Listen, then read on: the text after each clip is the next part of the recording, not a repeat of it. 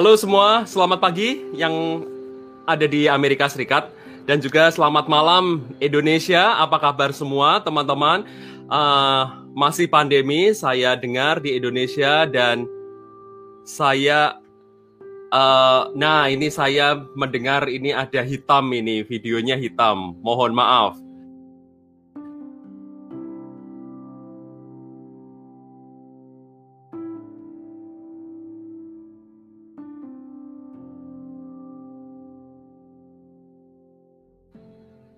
Oke teman-teman, semoga sudah tidak hitam, tidak mati lampu ini. Oke, uh, oke selamat pagi dan juga selamat malam yang ada di Indonesia. Waduh, masih hitam ternyata. Uh, oke, ada apa ini dengan saya punya internet? Baik, mohon maaf, uh, ternyata harus pindah. Oke teman-teman, sementara masih hitam, tetapi saya uh, dikatakan berdosa oleh teman-teman saya. Ta tapi sambil menunggu, uh, suara saya semoga tidak menjadi masalah.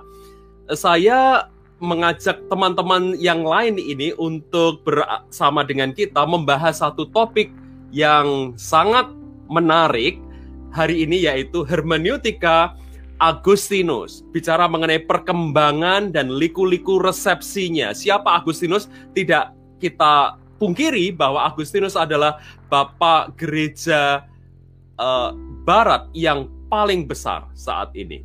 Dan bersama kita telah hadir Dr. Yohanes Budi, yaitu dosen di STTRI. Nah, saya tahu suara saya kedengaran dengan jelas, tapi muka saya belum kelihatan. Uh, tapi saya mau mengajak teman-teman yang lain supaya teman-teman tidak terlalu terganggu dengan yang uh, blue apa namanya ini uh, black uh, screen saya. Bung Yosia yang sekarang sudah ada di Indonesia dan Halo. harus berkarantina karena uh, habis pulang dari Amerika Serikat. Bung Yosia apa kabar? Baik, sehat-sehat.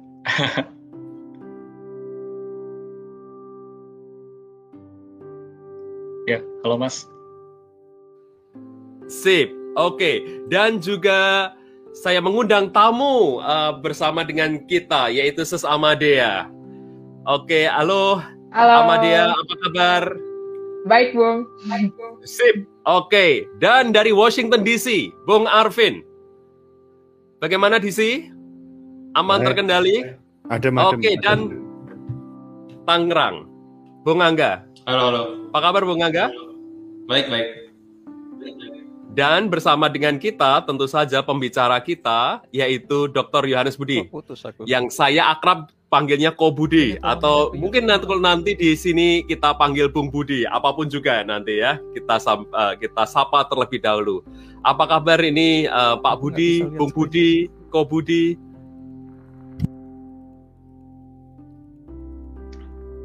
Mungkin ada masalah koneksi internetnya tuh. Oke. Halo, uh, Pak Budi.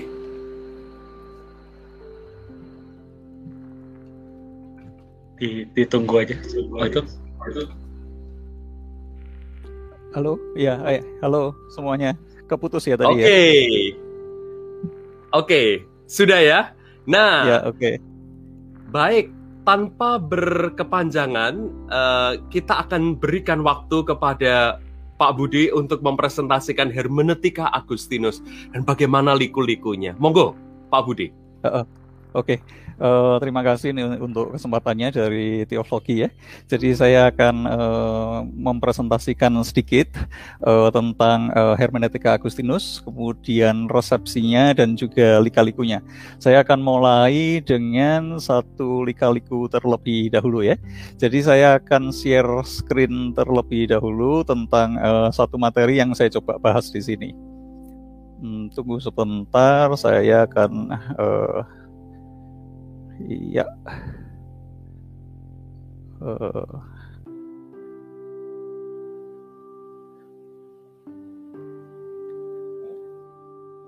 Ini sudah kelihatan itunya uh, share screen-nya? Belum? Belum muncul ya? Oke. Okay. tunggu muncul? sebentar, saya masih perlu belajar lebih lanjut ini tentang Silahkan. eh, Sementara itu kita pun berterima kasih ini karena eh, Ko Budi mau mampir ke teologi dan menyampaikan topik yang sangat-sangat penting. Ini sebuah kehormatan juga untuk teologi. Thank you. eh, saya nampaknya nggak bisa share itu ya. Oh ya, Ya. Eh, oh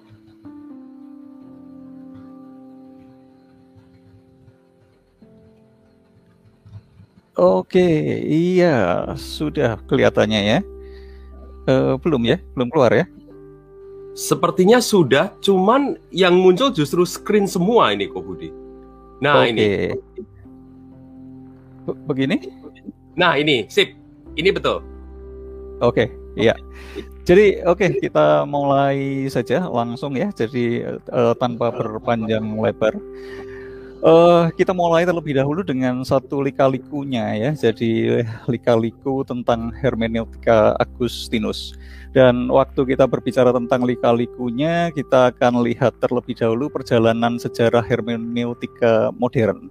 Jadi sejarah hermeneutika modern itu kan dimulai oleh Schleiermacher yang memberikan satu tekanan bahwa waktu kita mencoba untuk memahami satu teks, maka kita terlebih dahulu itu harus berorientasi dan mengerti pikiran ataupun konteks dari penulis. Karena itu pendekatannya disebut sebagai author-centered approach atau pendekatan historis. Jadi pendekatan historis yang pusatnya itu kepada eh, penulis itu sendiri.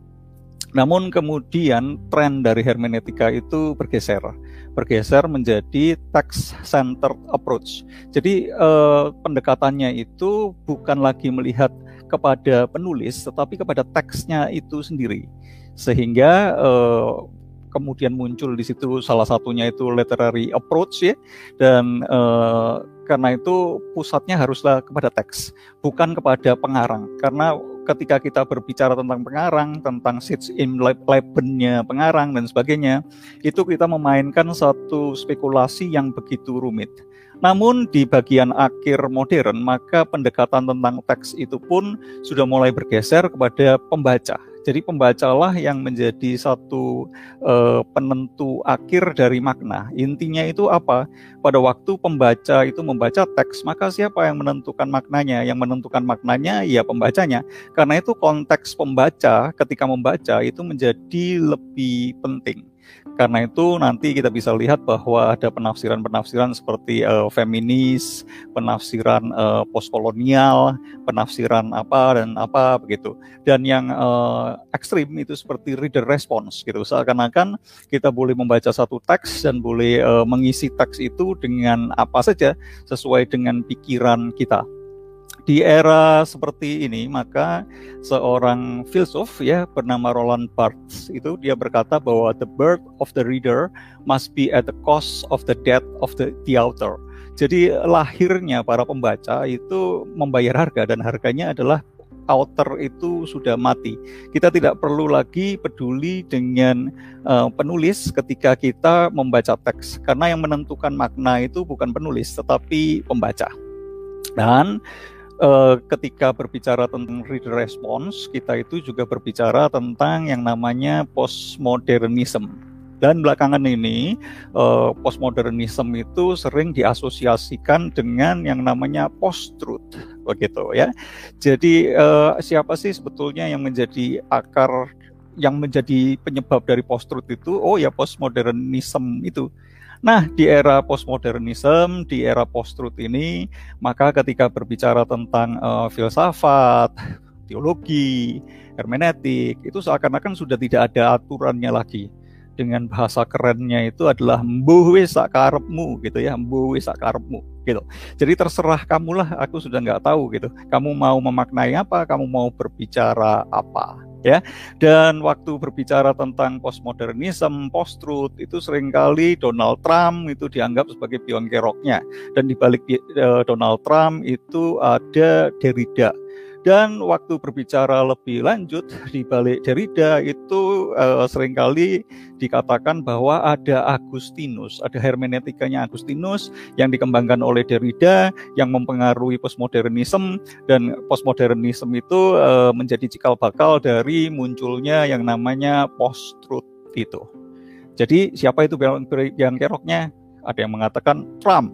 Tapi waktu ngomong Trump, dibaliknya Derrida dan di balik Derrida itu ada yang namanya Agustinus katanya itu begitu begitu ya.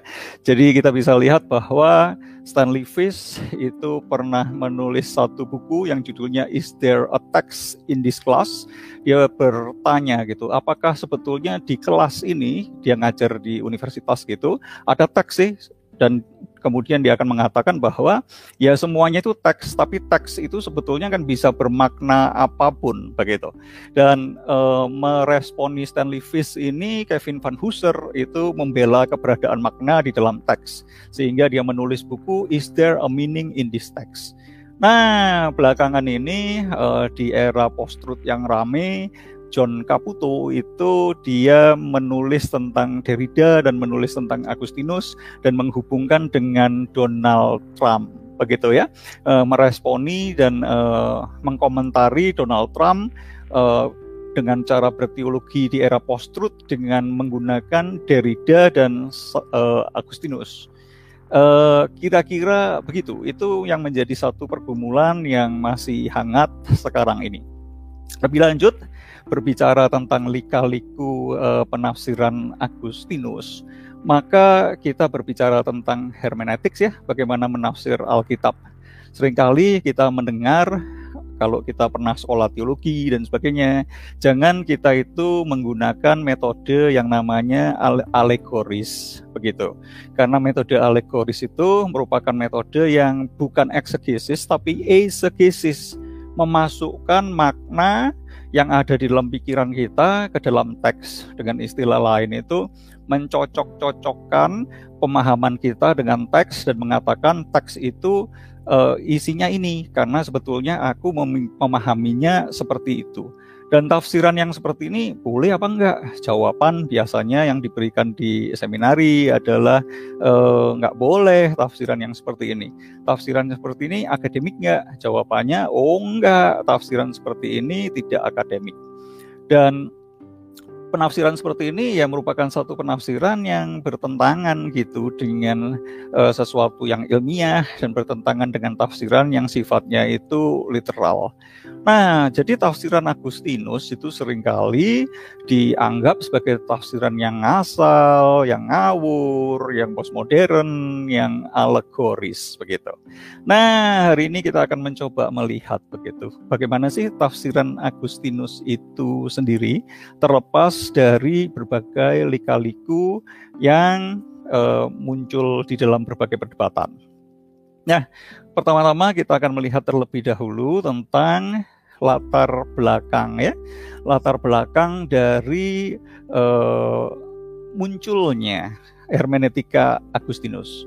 Jadi hermeneutika Agustinus itu dimulai dengan uh, satu peristiwa yang terjadi terlebih dahulu di dalam kehidupan Agustinus, yakni apa? Yakni pertobatan Agustinus waktu berbicara tentang pertobatan Agustinus yang terjadi sekitar di tahun 383 sampai 386 itu maka orang juga bertanya sebetulnya uh, apa sih sebetulnya pertobatan Agustinus itu? Dan salah satu jawaban yang dikemukakan adalah pertobatan Agustinus itu termasuk bukan hanya pertobatan spiritualnya saja dari seseorang yang tidak mau berada di dalam uh, masuk agama Kristen menjadi orang Kristen tetapi juga pertobatannya itu meliputi satu pertobatan yang bersifat filosofikal. Jadi uh, sebelum Agustinus itu kembali merangkul iman Kristen karena dia dilahirkan dari seorang mama yang Kristen dan dididik untuk menjadi seorang Kristen dari kecil, tetapi kemudian dia meninggalkan iman Kristen itu dia uh, terlibat dengan Manikeanisme dan sebagainya dan kemudian baru tahun 383 sampai 386 itu Agustinus bertobat dan merangkul kembali iman Kristen. Pertobatan Agustinus itu adalah satu pertobatan yang bersifat filosofis juga. Jadi maksudnya apa? Semula dia itu menganut dualismenya Platonis. Tetapi kemudian dia berubah secara filosofikal itu menjadi uh, uh, neoplatonis versi Kristen begitu ya. Dan waktu kita melihat pertobatan Agustinus, sebelumnya di dalam dualisme Platonis itu uh, kita tahu bahwa sesuatu yang bersifat spiritual dan material merupakan sesuatu yang tidak bisa dipadukan, sesuatu yang saling bertentangan satu dengan yang lainnya. Tetapi melalui pertobatannya, Agustinus itu merangkul dan menerima paradigma inkarnasi, di mana uh, Kristus itu adalah yang spirit maksudnya ketika berbicara tentang inkarnasi Kristus, maka yang ilahi dan yang uh, manusiawi, yang surga, uh, yang spiritual dan yang material itu merupakan sesuatu yang uh, merupakan satu kesatuan. Merupakan satu kesatuan itu bisa dibedakan, tetapi tidak bisa dipisahkan. Sehingga inilah yang merupakan satu paradigma perubahan perubahan uh, teologis, um, perubahan filosofis ya, pertobatan filosofis Agustinus. Dan waktu berbicara tentang uh, pertobatan Agustinus, bagaimana kita bisa lihat di Confession itu dia menuliskan hal itu, maka yang disebut sebagai conversion itu juga merupakan sesuatu yang dikonfes oleh Agustinus. Jadi uh, confession itu uh, pengertiannya bukan cuma Agustinus itu mengaku dosa di situ ataupun mengaku apa, tetapi ini seperti confession of faith, satu pengakuan iman. Jadi uh, conversion, satu pertobatan, satu perubahan itu merupakan sesuatu yang berkaitan erat dengan pengakuan jadi Agustinus itu memberikan satu pengakuannya dan lebih khusus mungkin bisa ditafsirkan bahwa ini merupakan satu pengakuan atas besarnya anugerah Allah buat Agustinus yang terhilang. Jadi kalau uh, ikut versi yang lebih modern itu seperti lagu Amazing Grace itu kan merupakan satu confession, satu pengakuan akan uh, pertobatannya yang dinyatakan secara publik itu sendiri.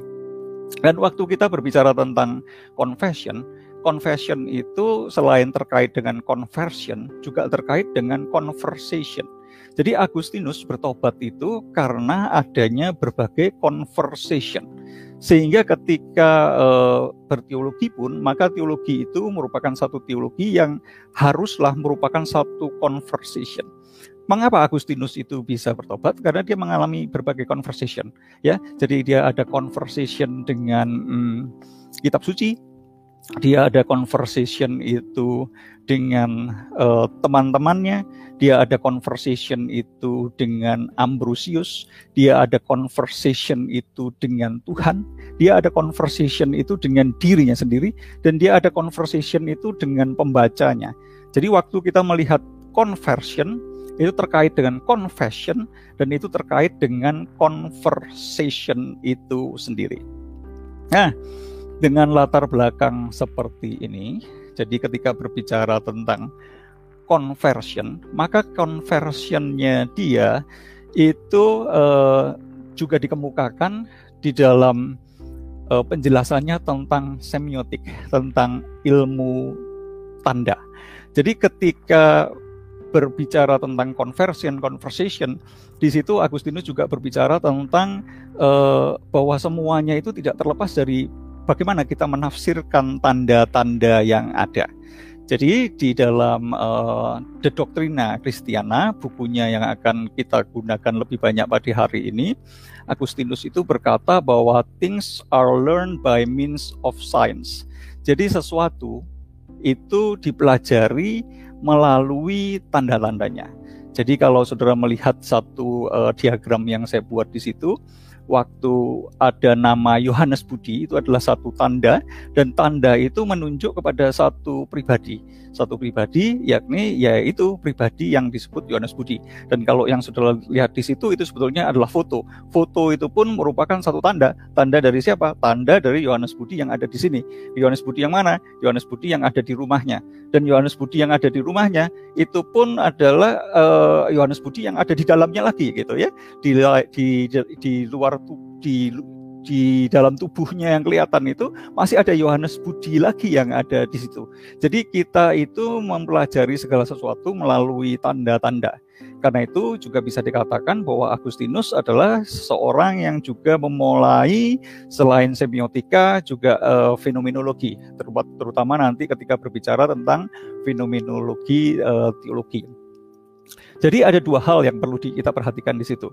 Yang pertama itu sign gitu ya e, tandanya dan yang ditandai yang disebut oleh Agustinus itu sebagai thing. Dan kita bisa lihat contohnya misalnya ketika kita melihat seorang yang menangis atau tertawa kita itu bisa tahu itu adalah kalau menangis yaitu adalah tanda e, kesedihan. Kalau tertawa itu adalah satu tanda kegembiraan. Kita bisa mengenali apa yang ada di dalam hati dan pikiran seseorang melalui tanda-tanda yang muncul jadi waktu berbicara tentang conversation, Agustinus itu juga berbicara di dalam conversation itu ya, bahwa setiap tanda itu menunjuk kepada sesuatu. Every sign is also a thing. Jikalau suatu tanda itu tidak menunjuk kepada sesuatu, maka yaitu seperti tanda yang kosong saja uh, seperti Paulus itu berkata, jikalau bahasa roh itu tidak ada artinya dan orang itu tidak mengerti artinya, yaitu sama seperti babbling saja. Begitu itu di satu Korintus misalnya. Uh, dan bahkan Paulus itu berkata, kalau misalnya seseorang itu melakukan berbagai aktivitas pelayanan, melakukan hal-hal yang hebat, memiliki segala sesuatu yang seakan-akan itu sempurna, tetapi jikalau tanpa kasih, sebetulnya semuanya itu juga kosong karena sign itu kalau nggak ada tingnya itu nggak punya makna apa-apa.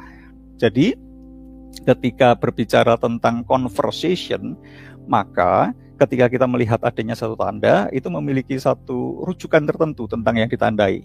Kalau kita lihat tanda seperti yang ada di sebelah kiri itu ya, jadi oh itu tanda wifi, tapi itu wifi kuno gitu. Oh kalau kita lihat yang di tengah, kalau ada garpu dan uh, pisau seperti itu, oh kita tahu itu adalah tanda yang menunjuk kepada uh, rumah makan gitu. Kalau kita lihat ada baby kemudian dirawat, oh itu adalah tempat untuk uh, mengganti diapers begitu. Nah, semuanya ini merupakan satu yang uh, terkait dengan yang namanya itu covenant. Jadi ada agreement. Tanpa adanya satu agreement satu dengan yang lain, maka tanda-tanda itu juga merupakan sesuatu yang seakan-akan meaningless, tidak ada artinya apa-apa. Lebih lanjut, ketika berbicara tentang conversation, mungkin perlu saya ingatkan kembali, kenapa kok kita berbicara conversation terus ya? Karena tadi itu, conversion itu terkait dengan confession. Conversion itulah yang diakui di dalam confession. Dan baik di dalam conversion ataupun confession itu melibatkan yang namanya conversation jadi pertobatan itu adalah satu proses pertobatan itu terjadi karena adanya satu proses, karena adanya satu proses conversation. Karena adanya conversation inilah maka terjadi conversion. Kita tahu bahwa pikiran kita itu berubah kalau karena pendidikan, karena di dalam pendidikan itu kita menjalani satu proses conversation ya. Kita berubah misalnya kita menjadi seorang uh, Kristen Kenapa kok kita menjadi seorang Kristen dan kita Kristennya menjadi lebih sungguh-sungguh? Karena adanya conversation yang akhirnya mengakibatkan adanya conversion di dalam diri kita. Nah, sekali lagi, jadi eh, Agustinus selalu berbicara tentang conversation dan itu terkait erat dengan hermeneutikanya. Jadi Agustinus berkata bahwa kita manusia juga selalu melakukan conversation dan pada waktu manusia itu mengungkapkan uh, pikirannya melalui conversation, manusia itu menggunakan huruf dan kata. Dan huruf dan kata itu merupakan satu sign, satu tanda. Tanda terhadap suatu realitas, terhadap satu thing, yakni pikiran ataupun makna. Jadi ada begitu banyak tanda, ada begitu banyak huruf dan kata yang digunakan oleh manusia itu untuk berkomunikasi, untuk melakukan conversation satu dengan yang lainnya. Dan conversation ini merupakan satu conversation yang sebenarnya sudah terjadi secara internal. Jadi di dalam diri manusia itu ada suatu percakapan yang terjadi secara internal dan percakapan secara internal inilah yang kemudian keluar di dalam kata-kata ataupun dengan bahasa tubuh ataupun secara eksternal dan itu terkait dengan adanya satu komunitas yang diajak untuk berkonversation, adanya satu realitas sosial yang uh, seorang pribadi itu uh, uh, berbicara apa uh, mengekspresikan dirinya di dalam lingkungannya, di dalam komunitas sosialnya. Nah, Kemudian ketika berbicara tentang hermeneutik, maka Agustinus juga mengingatkan bahwa uh, ada satu paradigma yang sama, yakni sign antik. Jadi ada makna literal yang sebetulnya uh, itu bukan uh, makna literal itu bukan berdiri sendiri begitu saja.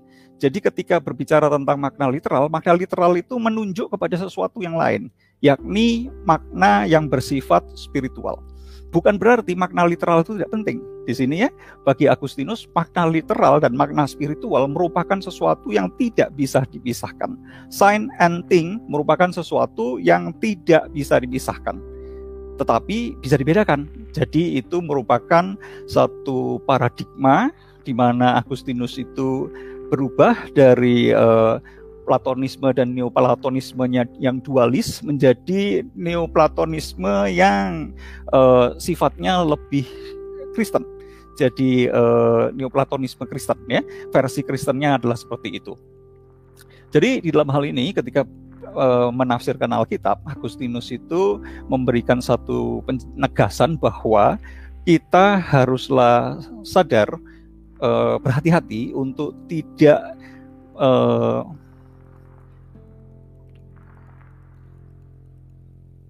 tidak tidak menafsirkan figuratif expression itu uh, ekspresi yang figuratif itu secara literal. Jangan sampai kita itu terjebak di situ.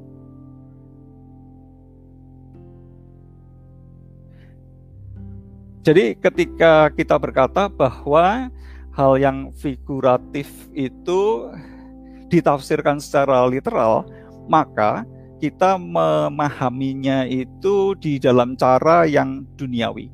Intinya kita jangan sampai hanya terjebak di dalam literal meaningnya saja, tetapi kita tidak akhirnya itu sampai kepada spiritual meaning yang ingin disampaikan oleh teks itu sendiri. Jadi menurut Agustinus adalah sesuatu yang miserable, sesuatu yang menyedihkan.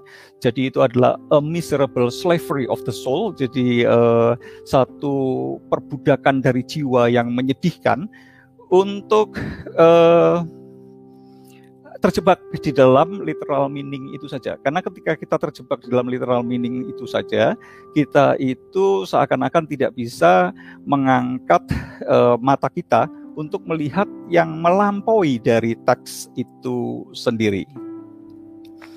Lebih lanjut, Agustinus itu memberikan uh, satu batasan gitu ya. Memberikan satu batasan memberikan satu pagar memberikan satu arahan. Kalau begitu kalau e, makna itu tidak literal tetapi makna itu bisa bersifat makna yang bersifat figuratif lalu siapa yang menentukan e, makna figuratifnya? Itu kan boleh diisi dengan apa pun juga Berkaitan dengan hal ini ada beberapa uh, guidance yang diberikan oleh Agustinus, uh, ada beberapa pagar yang diberikan Agustinus. Uh, salah satunya itu adalah rule of faith. Jadi uh, kita membacanya itu harus selalu berada di dalam batasan rule of faith. Tetapi juga ada satu prinsip yang disebut sebagai hermeneutic of love. Jadi uh, ketika berbicara tentang pembacaan Alkitab, maka uh, kita haruslah benar-benar menyadari bahwa uh, penggenapan dan akhir dari dari uh, hukum dan juga kitab suci itu adalah kasih itu sendiri. Kasih yang bukan hanya menjadi alat gitu ya.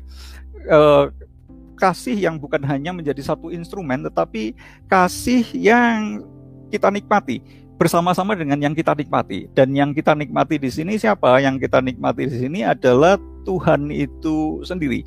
Karena eh, ketika kasih yang bersifat subjektif itu bertemu dengan yang objektif, yang Tuhan yang adalah yang objektif itu sendiri, di situlah sebenarnya eh, ketemu itu, begitu. Ketemu antara eh, kasih yang bersifat subjektif dengan Tuhan yang adalah objektif, yang bukan hanya untuk digunakan, tetapi yang dinikmati itu sendiri. Jadi ketika berbicara tentang hermeneutic of love, di situ muncul juga berbagai perdebatan. Kalau begitu, ini kan ada satu presaposisi. Jadi ada yang mengatakan, oh itu adalah satu presaposisi dari Agustinus. Tapi waktu berbicara tentang presaposisi, itu juga artinya bisa berarti, loh itu kan confirmation biasnya Agustinus. Jadi apa pun itu harus kemudian dikait-kaitkan dengan kasih, dan tafsiran apa pun itu seakan-akan ada biasnya, ada presaposisinya yang semuanya harus dicocokkan dengan itu. Loh, bukankah itu merupakan satu bentuk uh, fideism begitu. Jadi pokoknya kita maunya ini, kita percaya kepada ini, kita setia kepada ini dan kita pokoknya uh, terus saja ngotot dengan hal itu. Tetapi uh, ada yang mengatakan bukan, itu justru merupakan suatu uh, critical thoughts-nya Agustinus, pikiran yang kritis. Karena apa? Ketika kita melakukan satu penafsiran, maka sebetulnya kenapa sih kita melakukan satu penafsiran? Bagaimana sih cara kerjanya satu penafsiran itu? Begitu ya. Jadi kita perlu memikirkan lebih sungguh begitu. Eh, bagaimana cara kita itu berpikir? Eh, mode kita berpikir itu didrive oleh apa begitu dan uh, kasih merupakan sesuatu mode yang mendrive dari uh, penafsiran itu sendiri. Dan ada yang mengatakan ini adalah sesuatu yang bersifat reflektif meditatif. Itu bukan hanya merupakan satu presupposisi ataupun uh, confirmation bias ataupun satu fideism. Jadi kita bisa melihat bahwa ketika Agustinus mengemukakan ini ada berbagai uh, lika-liku ya diskusi tentang posisi dari hermeneutic of love-nya Agustinus ini. Lebih lanjut, ketika berbicara tentang hermeneutic of love itu, Agustinus mengatakan bahwa uh, setiap orang yang menganggap bahwa dirinya itu mengerti Alkitab, tetapi melalui pemahamannya tentang Alkitab, dia tidak bertumbuh begitu ya di dalam kasih kepada Allah dan kasih kepada sesama. Dan itu ada catatan lebih lanjut sebetulnya sama seperti sama seperti mengasihi diri sendiri, maka sebetulnya seseorang itu belum sampai kepada pemahamannya yang benar tentang kitab suci. Jadi ujung dari hermeneutik itu adalah kasih. Jadi kalau kita belajar teologi, kita menafsirkan kitab suci, tapi melalui penafsiran kita, justru kita itu tidak bertumbuh ke arah mengasihi Tuhan dan mengasihi sesama, itu berarti ada yang salah di dalam penafsiran kita. Lebih lanjut, ketika berbicara tentang conversion, ya, conversion itu juga berpengaruh di dalam metode berteologinya. Jadi ketika berbicara tentang metode berteologi, Agustinus sekali lagi menggunakan paradigma semiotiknya, yakni sign and thing itu. Dan yang dilihat sebagai sign di sini adalah pengetahuan yang bersifat umum. Sedangkan yang bersifat ya sedangkan yang disebut sebagai thing, sebagai realita yang ditunjuk itu adalah pengetahuan yang bersifat sakral. Jadi di dalam berteologi Agustinus itu mengemuka uh, Agustinus itu me menggunakan conversation. Conversation itu sebagai satu cara berteologi. Kok lah waktu berbicara tentang conversation itu conversation dengan apa? Conversation dengan ilmu-ilmu yang lain. Jadi yang namanya teologi haruslah teologi yang berconversation ya ada conversationnya, ada percakapannya dengan ilmu-ilmu yang lain dan ilmu-ilmu yang lain itu merupakan satu sarana bagi kita untuk lebih memahami teologi kita. Itu juga merupakan bagian dari uh, pengalaman pertobatan Agustinus di mana Agustinus itu sebelumnya mempelajari begitu banyak teori yang lain, retorik, filsafat dan sebagainya dan kemudian baru pada akhirnya melalui berbagai pemahamannya itu, melalui berbagai conversationnya, dia mengalami yang namanya satu pertobatan itu. Jadi ketika berbicara tentang hubungan antara filsafat dan teologi, maka Agustinus akan berkata bahwa kita bisa menggunakan emas dari Mesir, seperti waktu kita lihat di dalam peristiwa keluaran itu bahwa orang Israel itu keluar dengan membawa emas dari orang-orang Mesir dan emas itu yang sebetulnya dibangun menjadi suatu kemah perjanjian. Lebih lanjut kita bisa melihat bahwa uh, ketik dari hermeneutiknya Agustinus, konsep itu juga kemudian dikembangkan di dalam credo dan pengakuan. Seperti tadi kita lihatlah bahwa conversion itu terkait dengan confession. Jadi hermeneutics uh, conversion itu terkait dengan confession dan saat ini kita berbicara tentang confession itu sendiri. Jadi waktu berbicara tentang confession maka credo yang tertulis itu merupakan satu sign dari credo yang di hati. Jadi credo pengakuan yang kita kemukakan dengan mulut itu merupakan sesuatu credo yang kita ucapkan dengan hati. Jadi dengan mulut kita itu percaya dan dengan hati kita itu mengaku. Lebih lanjut kita bisa lihat uh, bagaimana hubungan ini dengan yang namanya spiritualitas. Waktu berbicara tentang spiritualitas, Agustinus juga menggunakan paradigma yang sama, sign and thing. Sign itu menunjuk kepada satu thing, tanda itu menunjuk kepada suatu realitas tertentu kita bisa melihat misalnya di dalam struktur confessions ya, pengakuan-pengakuannya Agustinus. Agustinus itu di dalam pengakuannya itu berkata bahwa hatiku itu resah hingga kutemukan ketenangan di dalam Tuhan. Dan kita bisa lihat di situ bahwa ada satu proses keresahan itu sendiri yang merupakan bagian yang tidak boleh dihilangkan sebenarnya. Jadi keresahan itu merupakan suatu bagian proses dari perjalanan itu sendiri. Dan itu seperti suatu tanda yang menuju kepada sesuatu yang ditandai, yang uh, itu merupakan satu perjalanan seperti seorang itu sedang berlabuh, sedang menuju ke suatu pelabuhan. Jadi adanya hati yang resah itu pada akhirnya merupakan satu proses yang mendorong seseorang untuk menemukan istirahatnya di dalam Tuhan. Karena itu, kalau kita membaca uh, strukturnya confession, kita bisa melihat bahwa di bagian awal itu Agustinus uh, berbicara tentang biografi dari hidupnya. Dia menceritakan tentang perjalanan hidupnya, masa dia kanak-kanak, masa dia itu mencuri buah pir, masa ketika dia itu uh, mulai terlibat di dalam manekainisme, kemudian dia bergeser kepada filsafat uh, neoplatonik dan kemudian dia mengalami pertobatan ya dan sebagainya. Uh, kalau kita lihat di confession itu kira-kira dari buku 1 sampai buku yang ke-9 kalau nggak salah itu ya saya perlu lihat lebih detail itu dia menggunakan mode yang sifatnya biographical. Tetapi kemudian berubah modenya itu setelah di bagian akhir dari bukunya yang ke-9 itu Agustinus mengalami satu mystical experience begitu. Dan bersama-sama dengan Monica itu dan kemudian setelah itu uh, tulisan-tulisannya itu genrenya berganti. Berganti menjadi tulisan yang merupakan satu refleksi teologis dan refleksi uh, filosofis. Jadi Agustinus berbicara tentang memori, Agustinus berbicara tentang waktu dan kekekalan, dan sebagainya begitu ya. Dan kemudian setelah itu uh, berubah lagi genrenya. Di bagian akhir Agustinus itu genrenya berubah ketika berbicara tentang uh, makna dari Genesis itu ya. Uh, di situ kemudian Agustinus itu menggunakan genre yang sifatnya tulisannya adalah tulisan-tulisan spiritual yang sifatnya itu seperti mystical begitu. Jadi kalau kita lihat bahwa baik di dalam strukturnya confession dan kalau kita gabungkan dengan doktrina Kristiana ini, kita bisa melihat bahwa Agustinus memulai dengan pembahasan tentang semiotik. Jadi waktu berbicara tentang doktrina Kristiana itu ada empat uh, buku buku yang pertama itu berbicara tentang ting. Tingnya itu apa? Realitas yang sebenarnya yang kita tuju itu apa? Tingnya itu adalah uh, tadi itu jadi struktur uh, hermeneutik itu mengalami satu komunian dengan Tuhan dan sesama seperti dengan diri sendiri itu.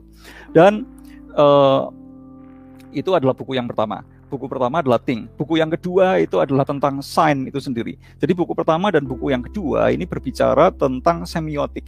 Dan buku yang ketiga adalah ketika kita mendapati tanda-tanda ini ada berbagai ambiguitas, ada berbagai kebingungan. Jadi bagaimana kita bisa membaca berbagai tanda itu dan menafsirkannya. Jadi dari semiotik itu bergerak ke hermeneutik. Dan pada bagian yang ketiga itu uh, pada buku yang keempat itu berbicara tentang retorik. Jadi bagaimana kita mengemukakan, mengajarkan, memformulasikan apa yang kita ketahui itu dan menyampaikannya kepada orang yang lain. Di dalam hal ini retorik itu selain uh, teknik-teknik untuk berkhotbah juga sebenarnya berbicara tentang theological discourse itu sendiri. Bagaimana kita membawa satu uh, diskusi teologis. Jadi di balik diskusi teologis itu sebetulnya ada penafsirannya. Dan di balik penafsiran itu ada yang namanya semiotik. Dan ujung dari semuanya itu apa? Ujung dari semuanya itu adalah spiritualitas. Ya, Uh, demikian juga waktu berbicara tentang uh, spirituality, Agustinus itu memberikan satu gambaran dari tulisannya tentang Marta dan Maria itu. Di sini Agustinus itu uh, membidik begitu tentang dua model spiritualitas. Yang pertama adalah spiritualitas yang aktif, yang mana seorang itu terlibat aktif di dalam pelayanannya, begitu ya, aktif melakukan kegiatan ini, kegiatan itu demi imannya. Tetapi yang satu adalah satu spiritualitas yang bersifat kontemplatif. Dan di sini Agustinus tidak mendualismekan antara uh, aktivitas yang kontempl uh, aktivitas yang aktif ya kehidupan Kristen yang aktif ataupun kehidupan Kristen yang kontemplatif. Karena kehidupan Kristen yang aktif itu merupakan satu perjalanan sama seperti kapal yang masih ada di laut. Ya, tetapi kapal yang masih berada di laut itu menuju kepada satu tujuan. Tujuannya adalah mencapai satu pelabuhan. Dan eh, kehidupan yang kontemplatif itulah yang merupakan satu tujuan akhirnya. Lebih lanjut kita bisa melihat hal ini. Jadi Marta itu digambarkan sebagai satu kehidupan Kristen yang aktif, sedangkan Maria digambarkan sebagai kehidupan Kristen yang kontemplatif. Dan yang Marta itu perjalanan dan yang Maria itu tujuan. Namun kita lihat di sini bahwa kedua-duanya ini tidak boleh dipisahkan sekalipun kedua-duanya ini bisa dibedakan. Jadi kedua-duanya ini tidak saling berkontradiksi.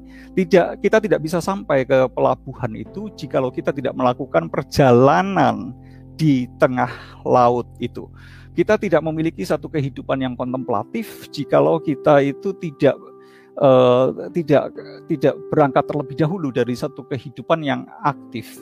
Dengan kata lain bahwa kehidupan yang kontemplatif dan kehidupan yang aktif itu merupakan sesuatu yang tidak saling berkontradiksi. Jadi kalau kita ingat prinsipnya uh, Benediktin orait lapora itu kan juga sama. Jadi ketika kita aktif sebetulnya kita berdoa dan pada waktu kita berdoa kita itu aktif ya. Jadi itu paradigmanya. Dan bagaimana hermeneutiknya itu mempengaruhi spiritualitas dan bagaimana resepsinya lebih lanjut di dalam komunitas Kristen, kita bisa lihat adanya satu ayat favorit dari Agustinus yang diambil dari Mazmur 46 ayat 10 atau ayat yang ke-11 itu, diamlah dan ketahuilah bahwa akulah Allah. Aku ditinggikan di antara bangsa-bangsa, ditinggikan di bumi, ya. Uh, sekarang kita akan secara singkat aja berbicara tentang historical reception-nya. Teori tentang historical reception merupakan satu teori yang relatif baru. Yang disebut dengan historical reception itu adalah bagaimana teks-teks yang sebelumnya itu diserap ya, diserap dan diterima oleh komunitas setelahnya. Jadi eh, dalam malam ini saya hanya akan membatasi di dalam historical reception di era medieval dan secara lebih khusus oleh uh, seorang teolog yang teolog dan filsuf yang kita kenal dengan Hughes of Saint Victor. Jika tadi kita melihat bahwa Agustinus itu menekankan bahwa uh, things satu realita itu dipelajari melalui sign begitu ya maka uh, Hughes of Saint Victor itu juga memberikan satu penegasan yang seperti ini merupakan sesuatu yang tidak mungkin untuk merepresentasikan yang invisible, yang tidak kelihatan, kecuali melalui apa yang kelihatan. Karena itu, ketika kita itu berteologi, kita harus menemukan contoh-contohnya dari yang visible. Jadi dari visible representation, jadi dari representasi yang visible itu kita perlu menemukan contoh-contohnya untuk apa? Untuk memahami yang invisible itu. Dan kita bisa lihat bahwa reception ini bukan hanya ada di era medieval oleh Hughes of Saint Victor, tetapi juga reception ini juga bisa kita lihat jejak-jejaknya di dalam teologi dari Paul Tillich. Jadi Paul Tillich itu juga berkata, nothing else can be said about God. Uh, tidak ada yang kita bisa katakan tentang Tuhan. Seakan-akan Tuhan itu tidak simbolik.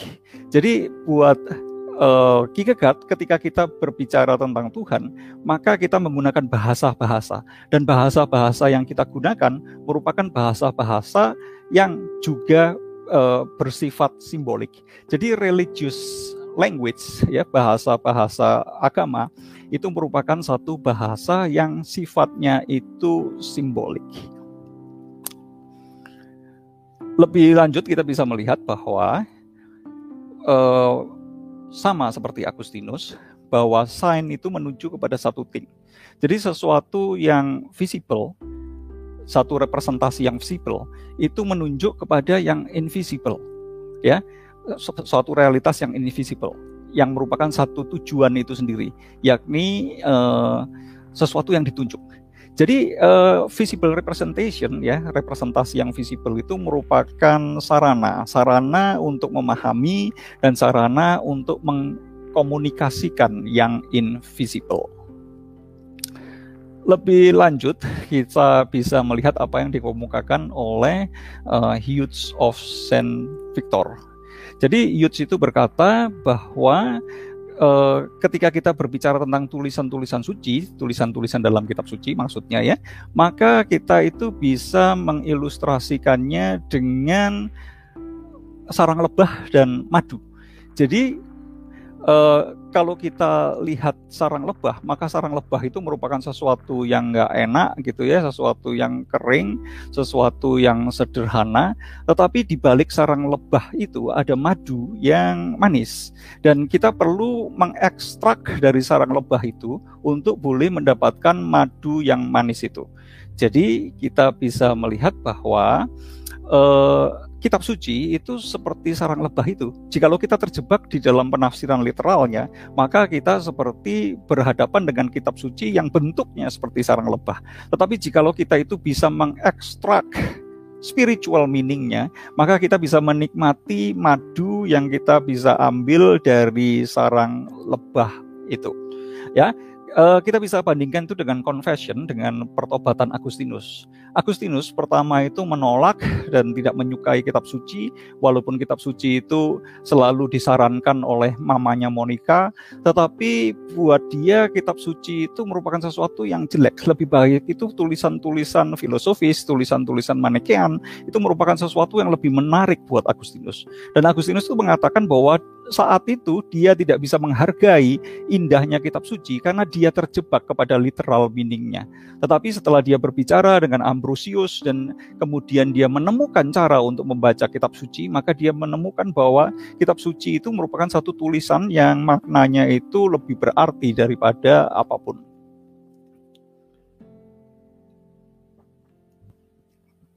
Lebih lanjut, karena itu uh, Hughes of Saint Victor itu menekankan bahwa fondasi Dan awal dari mempelajari eh, tulisan-tulisan suci itu haruslah dimulai dari historinya, dari pengetahuan secara literalnya. Dan dari sana diekstrak yang namanya pemahaman secara spiritualnya.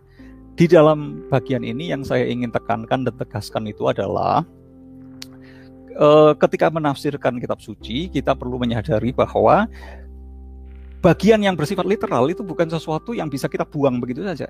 Tetapi bagian dari yang bersifat literal itu harus kita pahami terlebih dahulu, baru setelahnya kita berangkat kepada uh, pemahaman yang bersifat spiritual. Jadi bukan merupakan dualisme antara yang literal dan yang spiritual.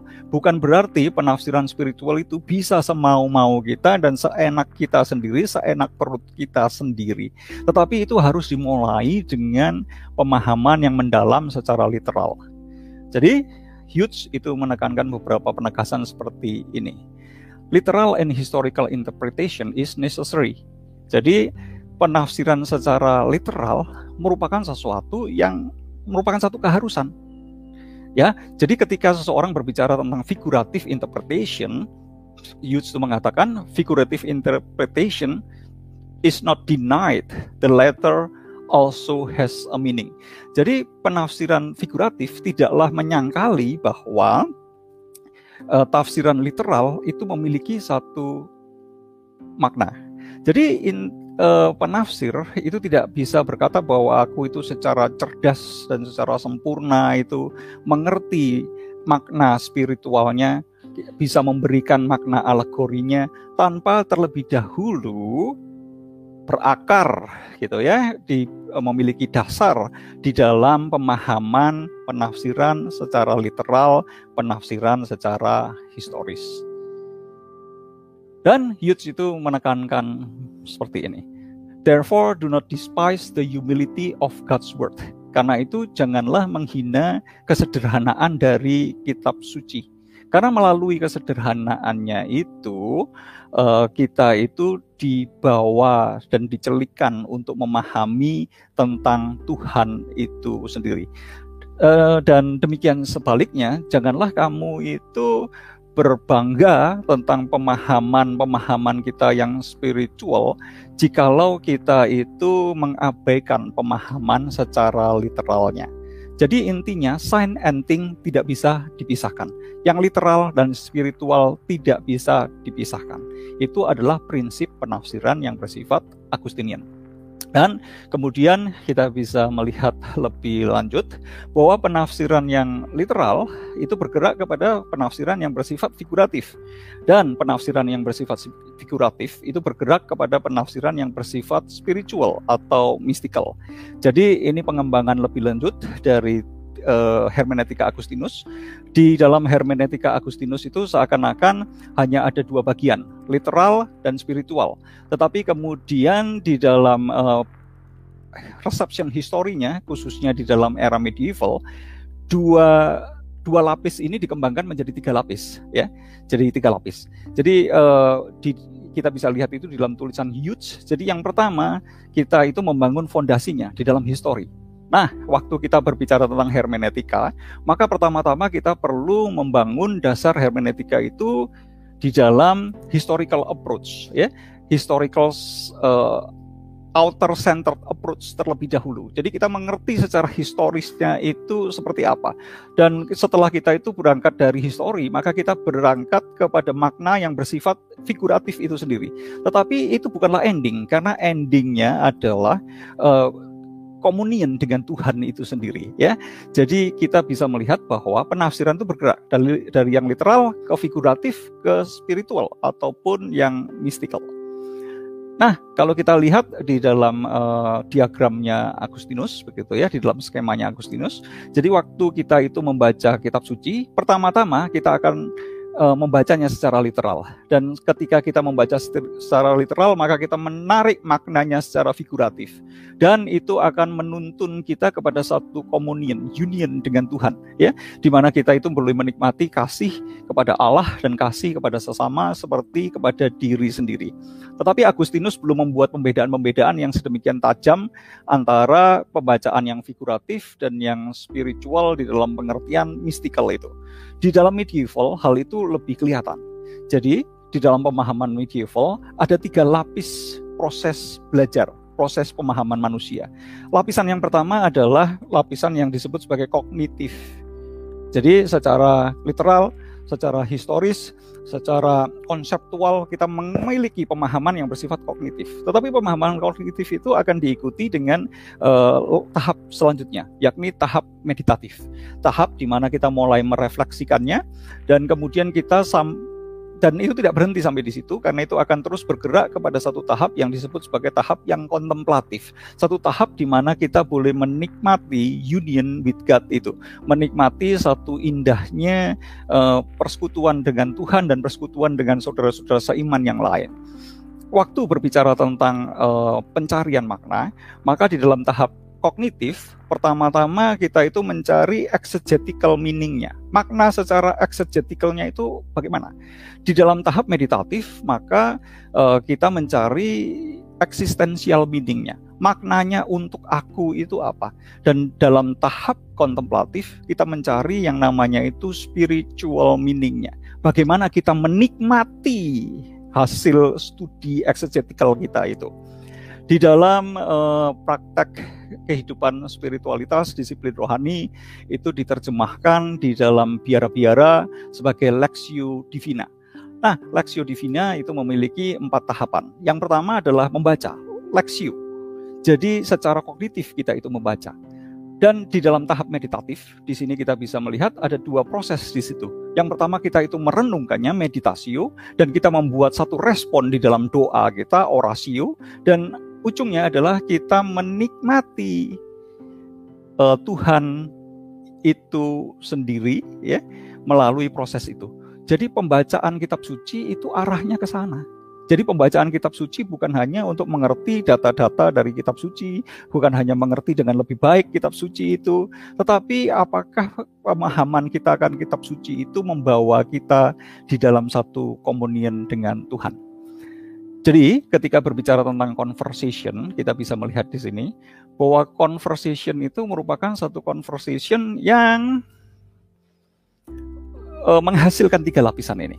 Jadi conversation apa sih ini? Conversation antara rasio dan wahyu.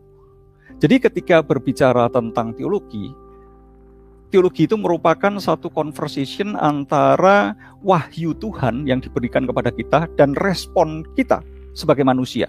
Dan ketika wahyu itu diberikan oleh Tuhan, maka respon kita adalah secara rasional mencoba untuk memahami wahyu Tuhan itu. Dengan adanya uh, dua arah seperti ini, maka terjadi tiga lapisan. Ada lapisan yang benar-benar tanpa pewahyuan pun secara rasional kita itu bisa memahaminya. Inilah level kognitif. Inilah level di mana kita bisa melakukan exegetical meaning. Level di mana kita hanya dengan reason itu saja bisa tetapi uh, di atas dari level pemahaman yang bersifat kognitif ini, maka ada level pemahaman yang bersifat meditatif. Di dalam level meditatif ini, kita memerlukan yang namanya revelation dan reason. Tidak bisa kita dengan reason saja. Tetapi reason kita haruslah reason yang diterangi oleh revelation. Tetapi ada satu tahap tertentu bahwa reason kita itu mentok. Dan di tahap inilah kita itu tidak mengerti apa-apa tentang itu. Dan itu sepenuhnya itu bergantung kepada revelation itu sendiri. Dan inilah yang menjadi satu uh, struktur dari uh, teologi skolastik yang dikenal sebagai Cathedral of the Mind. Jadi uh, Etienne Gilson itu menjelaskan Cathedral of the Mind itu seperti ini. Metafora untuk skolastik teologi itu adalah substructure-nya adalah pikiran, tetapi substructure itu terus bergerak, bertumbuh, naik ke atas menjadi superstructure yang melampaui kemampuan rasio manusia. Ya. Ini bukan berarti yang mana duluan. seperti kita lihat di uh, bagian sebelumnya.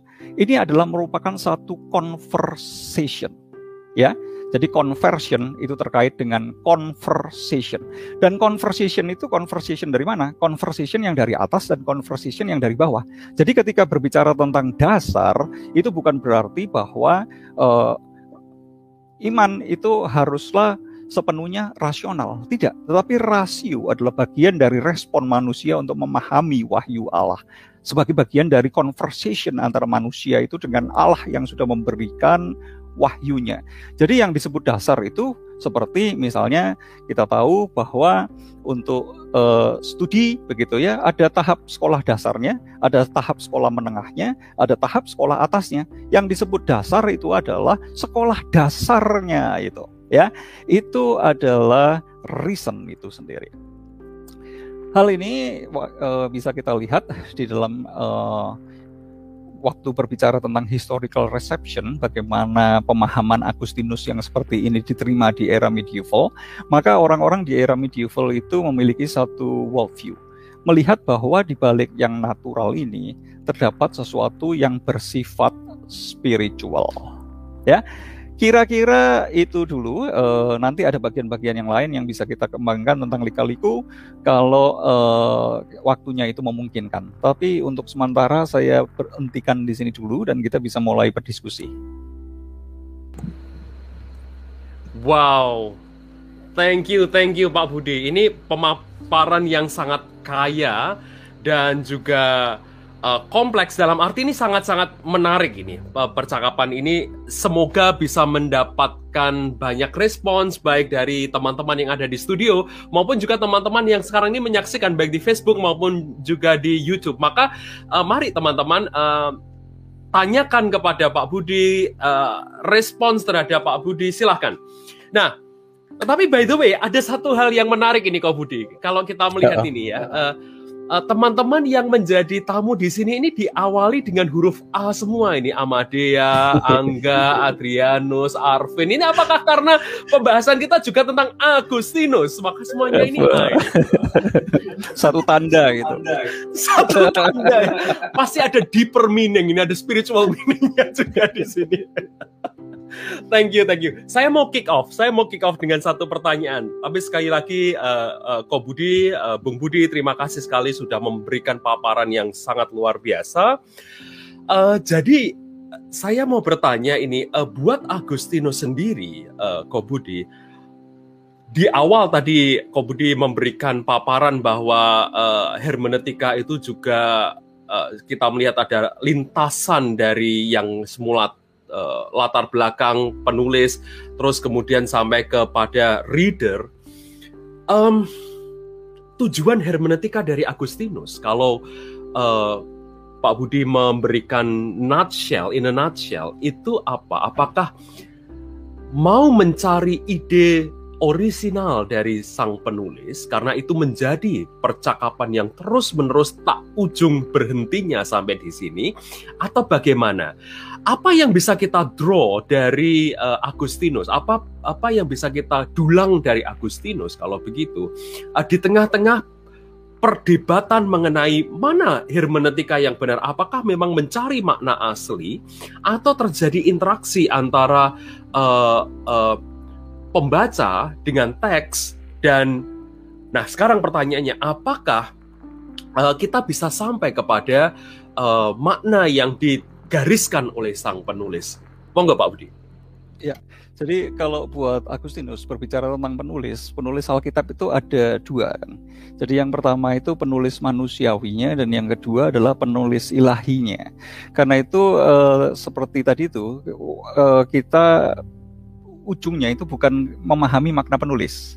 Jadi ini kan satu arus hermeneutika yang dimulai di tengah-tengah dunia modern oleh Schleiermacher bahwa eh, waktu kita mencoba untuk mengidentifikasi makna, maka siapa penentu makna itu? Penentu makna itu adalah pengarang Karena itu kita harus tahu apa yang ada di pikiran pengarang terlebih dahulu. Karena itu kita melakukan satu historical reconstruction terhadap uh, konteks hidup dari pengarang, uh, pergumulan uh, sejarah dari pengarang itu sendiri. Kemudian kita membaca teks-teks itu di dalam terang itu. Supaya apa? Supaya kita bisa merekonstruksi pikiran pengarang itu sendiri. Kalau buat Agustinus ini ada di dalam level sign tadi itu ya tetapi itu bukan tujuan utamanya. Tujuan utamanya adalah mengerti makna dari penulis ilahinya yakni Allah itu sendiri. Dan eh, seperti tadi tujuan dari pembacaan kitab suci itu apa? Agustinus mengatakan jika seseorang itu membaca kitab suci dan mengatakan dia itu mengerti uh, kitab suci itu tetapi melalui pengertiannya itu tidak mengalami komunion ya kasih dengan Allah kepada sesama seperti diri sendiri maka dia tidak sampai kepada tujuan itu jadi tujuannya di situ bukan tujuannya mengerti uh, maksud pengarang gitu ya Nah, tetapi untuk bisa sampai ke sana kita perlu melakukan satu conversation tadi ya. Jadi uh, pertobatan itu kan perubahan termasuk perubahan pikiran di dalam hal ini. Dan perubahan pikiran itu terjadi melalui conversation. Contoh paling gampang ya edukasi edukasi itu kita uh, mengalami conversation dengan berbagai teks, conversation dengan guru kita, conversation dengan profesor kita, uh, conversation dengan konteks di mana university kita itu berada dan melalui conversation conversation itu ada uh, conversion, ada pertobatan, ada perubahan, perubahan pikiran, perubahan posisi dan sebagainya. Jadi uh, karena itu ketika berteologi itu kita menggunakan conversation, conversation untuk begitu ya, untuk kemudian kita itu mengalami perubahan itu sendiri ya. Dan perubahan itu ke mana? Tentunya perubahan itu arahnya ke mengasihi Tuhan, mengasihi sesama seperti diri sendiri. Itu tadi arahnya itu ke sana. Jadi bukan ke arah yang lain gitu ya. Uh, dan pada pada waktu kita melakukan conversation, kita itu juga menularkan itu kan. Waktu kita melakukan conversation dengan orang lain, maka orang lain itu ketularan, terpengaruh oleh kita, kecipratan oleh conversation kita. Jadi conversation itu menular, gitu. Berbahaya itu conversation. Hmm. Jadi conversation di dalam teologi ini menular itu bahaya. Itu.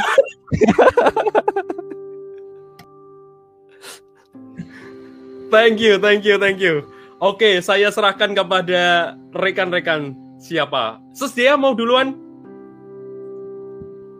Oke, boleh. Uh, sebelumnya makasih banyak Pak Budi atas pemaparannya. Nih, saya langsung dapat banyak uh, insight juga ya, uh, so, apalagi soal uh, hermeneutikanya Agustinus yang umumnya yang kalau aku sering dengar itu lebih merujuk kepada uh, literal ya, yang literal uh, bahkan nggak nggak sedikit juga yang menganggap kalau pemikiran Agustinus tuh fideis ya. Karena ya kita lihat di Agustinus di masa periode akhir itu memang berdasarkan literal terlihatnya seperti itu. Dan uh, kalau aku pribadi memang ngelihat Agustinus tuh udah kayak uh, Wittgenstein dan Heidegger. Dia tuh punya dua periode pemikiran uh, yang berbeda ya. Uh, berlandaskan uh, cara berpikirnya dia landasan berpikirnya dia. Yaitu di masa sebelum dia bertobat dan masa setelah dia bertobat. Uh, dan ya aku juga jadi kepikiran juga soal uh, pendidikan Agustinus ya. Apalagi kan berdasarkan di doktrina Kristiana ya yang uh, itu juga uh, terkait banget sama uh, gimana ya uh, pengertian terhadap kitab suci gitu ya dan juga uh, tanda kutip metode yang mendidik gitu ya. Uh, tapi yang di sini yang benar-benar menarik bagi aku itu uh, bahwa hermeneutikanya itu memang benar-benar berangkat dari masa uh, setelah dia bertobat, setelah dia bertemu Ambrosius. Uh, dan ini yang membuat periode pemikiran baru ya uh, dari uh, Agustinus dan ini nggak nggak cuma secara spiritual aja tapi ya juga filosofis ya berarti artinya ya. Yang uh, tadinya dia sifatnya dualistik gitu kan uh, platonis manike uh, manikeis uh, jadi neoplatonis. Dan ini yang menarik karena dia masih punya cara berpikir neoplatonis yang diakui sendiri sama Agustinus kalau cara berpikir neoplatonis itu uh, mirip sama cara berpikir Kristen. Dia aku sendiri di confession, aduh aku lupa ya confession berapa, cuma dia sempat ngaku di situ. Uh, kalau yang sebelumnya itu kan benar-benar dipisah ya antara uh, yang material dan spiritual, tapi di sini juga oh enggak material sama spiritual itu saling nyambung, saling butuh ya satu sama lain ya. Uh, yang uh, aku langsung kepikiran ya uh, soal yang sebelumnya kan kalau Agustinus kan memang selalu disuruh sama Monica sama ibunya kan untuk membaca uh, kitab suci, tapi kan Agustinus kan bilang kayak uh, Tuhan jadikanlah aku murni tapi tidak sekarang. Itu kan doanya Agustinus. Dan tapi akhirnya kan dia baru mau baca kitab suci setelah dia mendengar Tolelege itu kan yang dia di taman itu ya. Di aduh aku lupa itu di mana itu ya. Uh, dan yang conversion dari conversation itu kan uh, di, sempat ditunjukin kalau itu bergerak dari bawah. Dah itu aku langsung kepikiran soal emanasi dan re-emanasi dari neoplatonisme yang mana itu sangat membentuk cara berpikir Agustinus. Dan aku juga sempat mention ya di uh, teologi juga waktu aku bawain soal epistemologi Agustinus ya kalau emanasi dan emanasi itu uh, membuat kita maksudnya punya pengetahuan akan Tuhan dan ternyata di sini aku juga melihat kalau uh, Agustinus juga menggunakan cara berpikir yang sama dalam uh, pembacaan kitab suci. Terutama uh, reemanasi sih kalau aku melihatnya. Kan kalau emanasi kan dari atas ya. Uh, jadi uh, dia kan itu dari bawah. Jadi kalau aku ngertinya langsung uh, ini berarti yang dari bawah itu dari pemaknaan secara literal jadi emang literal aja itu uh, gak cukup gitu. Tapi ya, bagaimana kita bisa menghidupinya? Bagaimana kita uh, bisa uh, sorry memahami dan menghidupinya sih lebih tepatnya. Jadi kalau aku mengartikannya ya uh, hermeneutika Agustinus kalau misalnya dibilang sakarapmu ya menurutku sih ya nggak sakarapmu juga. Karena tetap masih punya inti dasarnya yaitu berlandaskan relasi berlandaskan kasih itu sendiri karena yang yang tadi ya apa um, conversation itu ya jadi suatu uh, komponen penting ya di uh, dalam pemaknaan ya uh, menurut Agustinus ini. Gitu, gitu sih kalau ya. dari aku. Ya uh, betul sih. Jadi uh, saya setuju dengan itu gitu. Jadi uh, apa itu peran dari Neoplatonisme buat Agustinus. Bagi Agustinus, Neoplatonisme itu seperti perjanjian lama gitu. Jadi kalau orang Yahudi itu punya perjanjian lama dan kemudian sampai kepada perjanjian baru, orang Kristen Yahudi ya, uh, seperti uh, Paulus itu memiliki perjanjian lama dan melalui perjumpaannya dengan Kristus, akhirnya dia uh, masuk ke dalam realitas dunia perjanjian baru. Kalau buat Agustinus, perjanjian lamanya itu Neoplatonis gitu uh, perjanjian barunya itu kekristenan. Nah, uh, namun ada pergeseran-pergeseran tadi ya Platonis maupun Neoplatonis itu kan tidak bisa menerima inkarnasi Kristus karena yang spiritual dan yang material itu tidak bisa bercampur. Nah, berbagai sintesis itu kan sudah dilakukan oleh beberapa kelompok Neoplatonis termasuk Kianism sendiri kan sebetulnya merupakan percabangan dari uh, Neoplatonis. Seperti konsep yin yang di Asia saya nggak tahu persis itu hubungannya apa. Tetapi kan konsepnya itu mirip-mirip juga dengan yang namanya Neoplatonis itu. Tetapi tetap aja tidak merupakan satu kesatuan.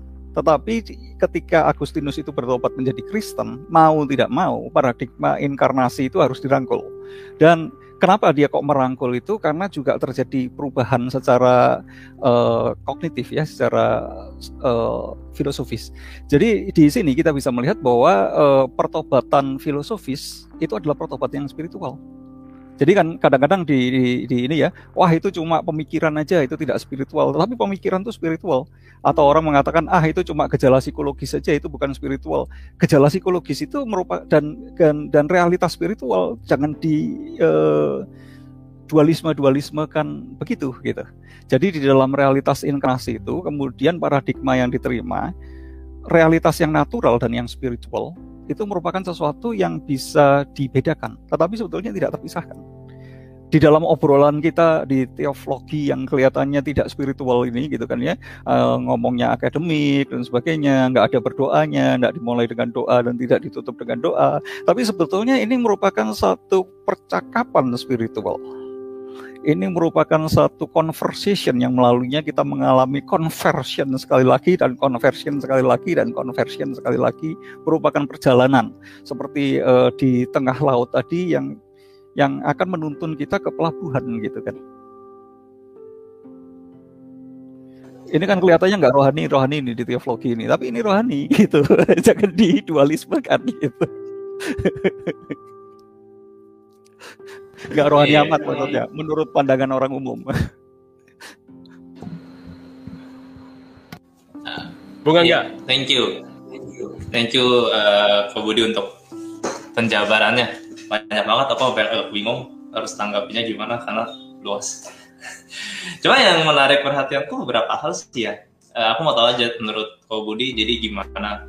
Um, di satu sisi jadi kan mungkin yang paling umum hermeneutika Agustinus kan jadi hermeneutic of love ya memang bahwa pembacaan itu membawa kita semakin mengasihi sesama, semakin mengasihi Tuhan seperti kita mengasihi diri sendiri. Uh, khususnya kalau misalnya baca eksposisi satu Yohanes dia ya itu rangkaian khotbah yang paling suka itu malah karya yang paling suka malah itu khotbah dia yang satu Yohanes dari semua tulisan dia. Nah cuman masukku kalau kita mau lihat menurut Kobudi gimana kan jadi menarik? Aku banyak banget menemukan di satu sisi uh, rule of faith-nya Agustinus mengizinkan dia untuk baca kan quote on quote sebenarnya aku akan bilang suka-sukanya dia. Walaupun tentu dengan kontemplasi dan spiritualitas. Uh, itu pertama. Dan yang kedua karena aku nggak tahu ya aku melihatnya gini ketika untuk pembacaanku dari beberapa uh, orang bahasa Agustinus juga, aku melihatnya di satu sisi Agustinus itu ketika kita bilang kenapa hermeneutika kasih, karena kalau dilihat dari cerita confessionnya ya, aku melihatnya walaupun dia bergelut di ranah rasio dan ini yang terjadi juga kan di uh, De Trinitate kan dia nulis De Trinitate panjang lebar panjang lebar sampai ke konklusi bahwa in rasio itu tidak bisa menjadikan Trinitas. Ada sense bahwa pertama-tama untuk Agustinus conversion itu bukan persoalan hanya dialog tetapi kok aku kalau untukku ya pembacaanku justru ini soal perubahan arah hati soal perubahan kasih. Dan mungkin di, secara konstruksi Agustinus kan dia ngeliatnya gitu kan bahwa manusia ini uh, misdirect, misdirected love harus diri direct kepada Allah baru. Nah itu gimana? Jadi apakah memang secara nggak langsung? Karena untukku aku agak melihat Agustinus itu sedikit banyak ada mungkin bukan ya kayak fideis karena pertama-tama dia sudah dilihat oleh Allah, maka dia bisa melihat kembali dan akhirnya perubahan rasio dialog yang ada itu adalah manifestasi dari uh, hal itu pertama-tama. Karena kan justru kalau misalnya kita melihatnya dari conversation dari pembacaan dia terhadap teks baru dia bisa maka dia bisa berubah kan di satu sisi jadinya ada kayak unsur peran diri sendiri ya, ada unsur platonistik di situ kan, dakwah ke atas. Dan menurutku terutama di akhir-akhir makin terakhir Agustinus kan makin menentang itu kan, dia kan lebih pure uh, peran dari Allah. Gimana menurut Budi? Kalau kayak Hmm, jadi ada beberapa isu ya. Tadi isu yang pertama itu apakah uh, penafsiran uh, hermeneutic of love itu uh, bisa sembarangan saja begitu ya. Kemudian dengan itu kan dipagerin dengan rule of it ya, dipagerin dengan rule of it uh, dan sehingga pokoknya ada rule of it, ada hermeneutic of love, maka ayat Alkitab itu boleh ditafsirkan sesuka hati sebebas-bebasnya tadi ya. Jadi apakah itu uh, penafsiran dan pemikiran Agustinus jelasnya enggak karena tadi kita bisa lihat bahwa kita harus terlebih dahulu itu mengerti secara literalnya terlebih dahulu. Kalau kita tidak mengerti secara literalnya, bagaimana kita itu mengerti secara spiritualnya.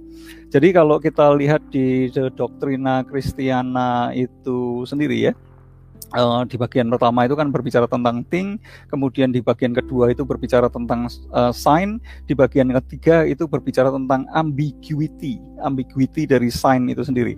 Jadi sign itu sendiri ada begitu banyak ketidakjelasan. Karena itu kita perlu uh, membuat sign itu sendiri jelas. Dan Agustinus itu memberikan panduan-panduan untuk menyelesaikan berbagai ambiguity itu, ketidakjelasan dari sign yang harus ditafsirkan. Jadi sign itu harus ditafsirkan gitu. Jadi dari simetriknya bergerak ke yang namanya hermeneutik itu. Itu dibahas di uh, buku yang ketiga dari The Doctrina Christiana itu. Di situ Agustinus memberikan uh, aturan-aturan uh, aturan-aturan hermeneutik gitu. Jadi jangan sampai kita itu bahkan keliru begitu ya menafsirkan yang seharusnya itu literal kita spiritual spiritualkan jadi bagaimana supaya kita tidak keliru? Itu ada berbagai aturan yang dikemukakan oleh Agustinus bahwa kita harus mengerti secara literalnya. Karena itu untuk bisa mengerti secara literalnya kita perlu mengerti. Misalnya berbicara tentang ular. Nah, kita perlu mengerti tentang ular itu bagaimana. Kita perlu melakukan conversation bahkan dengan science tentang ular itu.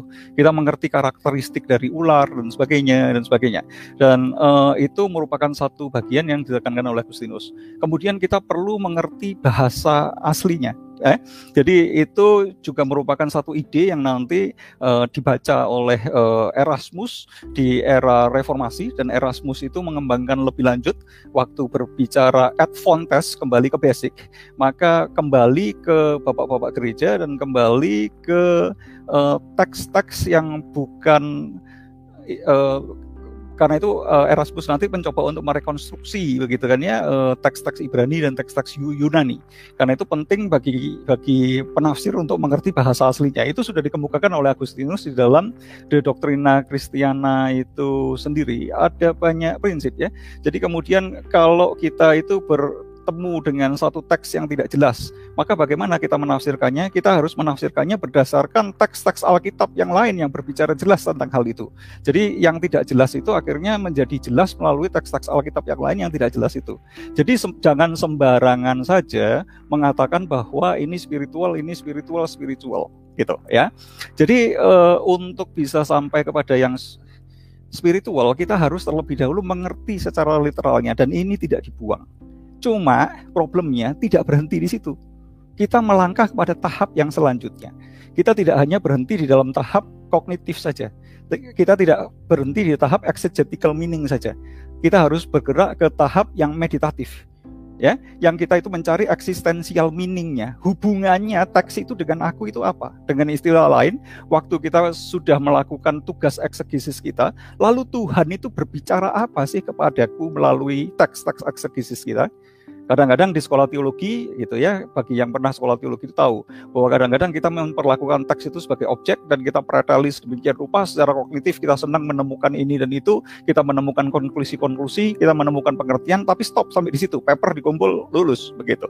Tetapi buat Agustinus tidak cukup. Kalau sampai seperti itu ya buat apa gitu? Kita tidak sampai kepada tujuannya.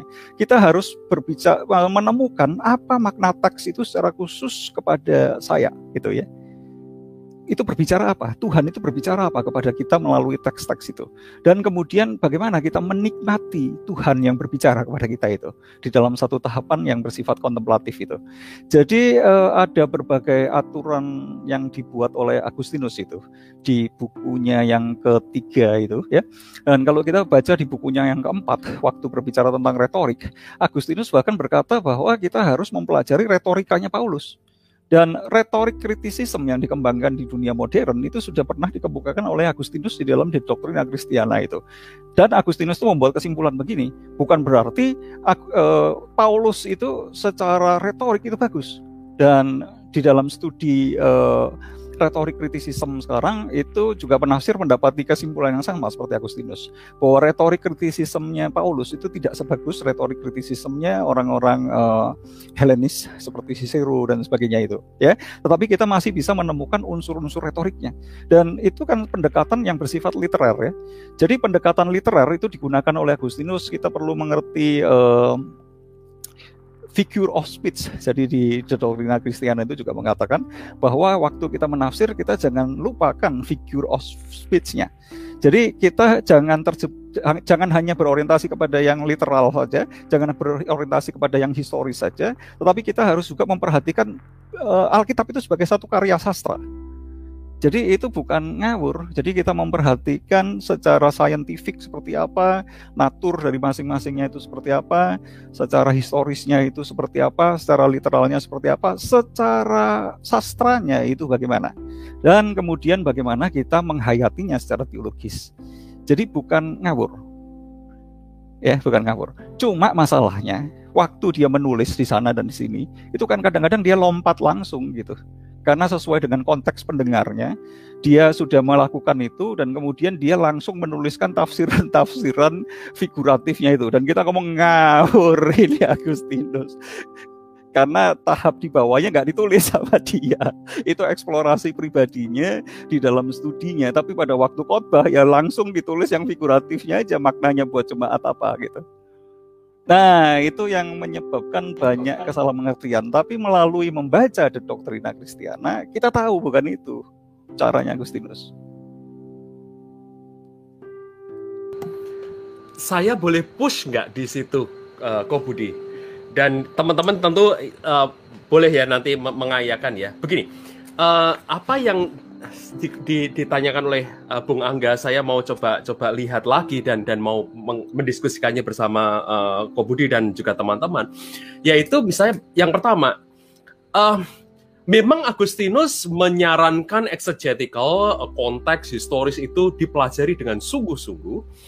Akan tetapi bukankah yang namanya historis dan konteks dan uh, pilihan makna yang yang mana yang yang sebenarnya bermakna itu sendiri pilihan. Apalagi pertama, dia punya keterbatasan karena dia tidak bisa membaca uh, Alkitab dalam bahasa aslinya.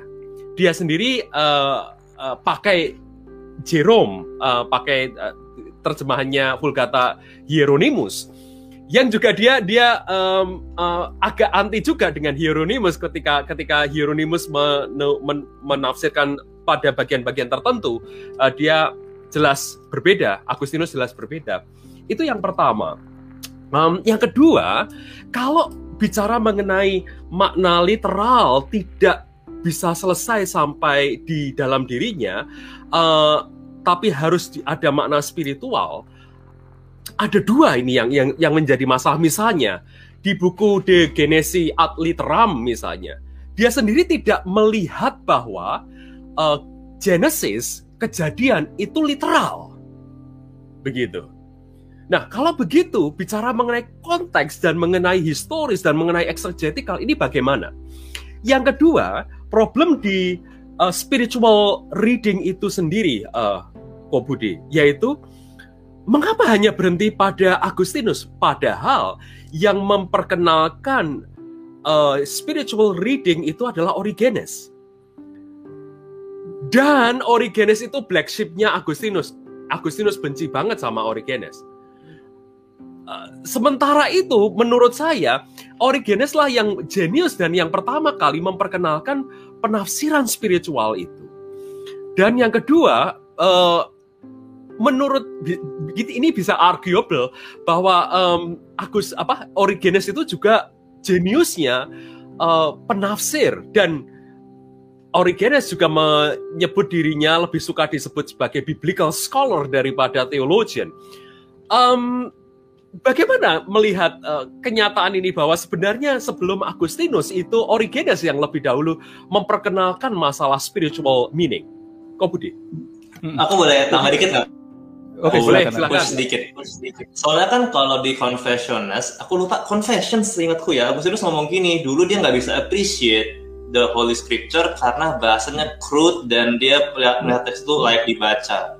Dan dia baru bisa melihat keindahannya setelah dia masuk ke meaning spiritual yang dibuka oleh Ambrose. Dari situ kan ada sense bahwa ya ini penting, historical penting bla bla bla, tapi sebenarnya yang meaningful, yang Hmm. fruitful itu adalah spiritual meaning makanya dikhotbahkan oleh Agustinus kan yang spiritual hmm. itu aku aku sih nangkapnya ke situ memang Ya, ini pertanyaannya jadi banyak banget gitu ya. Jadi ada beberapa mungkin lima atau enam gitu. Saya lupa-lupa ingat itu pertanyaannya apa saja. Tapi dari dari yang paling ingat yang paling belakang dulu kan gitu, yang paling belakang dulu. Iya betul. Jadi itu yang dikemukakan Agustinus di dalam uh, Confessions itu kan. Dan kemudian itu yang kemudian ditulis ulang oleh uh, Hughes of Saint Victor ya, yang mengatakan bahwa uh, kitab suci itu seperti uh, sarang lebah yang ada madunya itu ya. Jadi uh, jangan kita itu menghina ke kesederhanaan jelek kan sarang lebah itu gitu kan nggak enak gitu kan atos gitu uh, keras gitu ya. Di dimakan itu nggak enak. Jangan kita menghina itunya karena di, di dalamnya itu ada ada madunya. Itu kan pengalaman dari Agustinus itu yang ditulis di Confession yang disebut oleh Angga itu. Jadi uh, seperti tadi ya jadi kalau ditanya ini ini memang satu kalau buat orang-orang yang ada di dunia kontemporer sekarang dianggap sebagai sesuatu yang tetap kelemahan gitu. Mengapa? Karena tetap hierarkikal jadi uh, nuansa dari neoplatoniknya itu tetap ada di dalam hierarki hierarkikalnya itu bahwa yang spiritual itu adalah yang lebih advance daripada yang uh, literal. Jadi uh, dalam pemikiran medieval tadi kan kita bisa lihat ada tiga tahap ya kognitif, meditatif, uh, kontemplatif itu kan seperti substructure, structure dan superstructure. Itu kalau kita ngomong strata ada strata satu, strata dua, ada strata tiga. Itu nanti uh, si Bonaventura itu mengilustrasikan bahwa yang di strata satu itu level Doctor of Theology gitu. Di strata yang kedua itu justru preacher. Di strata ketiga itu orang-orang yang kontemplatif gitu kalau menurut Hugh Stand Victor. Jadi ada uh, substructure, structure dan superstructure-nya itu. Jadi ada hierarki yang seperti itu. Jadi uh, yang dasar, yang basic itu bukan bukan tidak penting, itu penting karena itu menjadi sesuatu tahapan pertamanya, tetapi bukan itu tujuannya. Karena itu kadang-kadang waktu dia khotbah di dalam keterbatasan waktu langsung aja dia ngomong yang yang spiritual meaningnya dan itu yang kita mengerti dan kita salah mengerti terhadap tafsiran Agustinus. Tetapi melalui doktrina Kristiana kita lihat bukan itu yang diajarkan oleh Agustinus gitu. Sekarang pertanyaan uh, Bang Nindyo tadi ada banyak itu tadi saya agak lupa ini Bang Nindyo yang yang yang, yang paling krusial apa itu tadi ya? yang pertama sikat itu ya, sikat.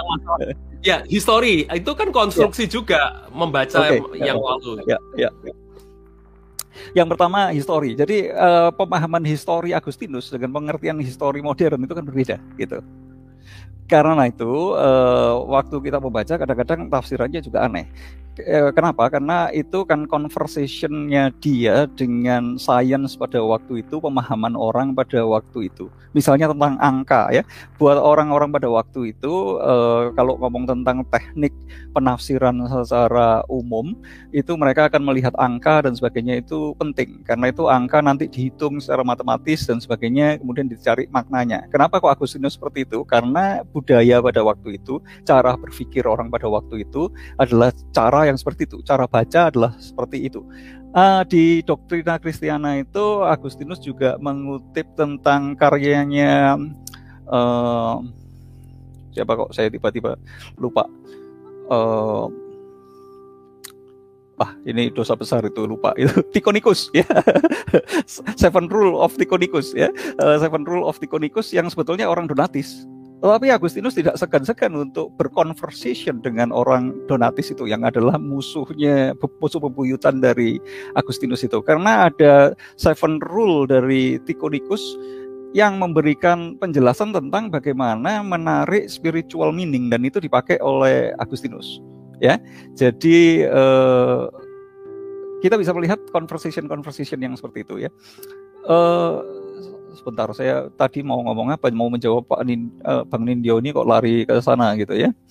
Hmm, kembali lagi uh, bukankah itu satu pilihan gitu ya? Jadi betul uh, historis itu merupakan satu pilihan tentunya dan uh, pemahaman historis Agustinus dengan pemahaman historis kita itu berbeda karena pemahaman historisnya Agustinus ya dalam konteks pemahaman historis pada waktu itu. Jadi pemahaman literal kita dengan pemahaman literalnya Agustinus itu berbeda.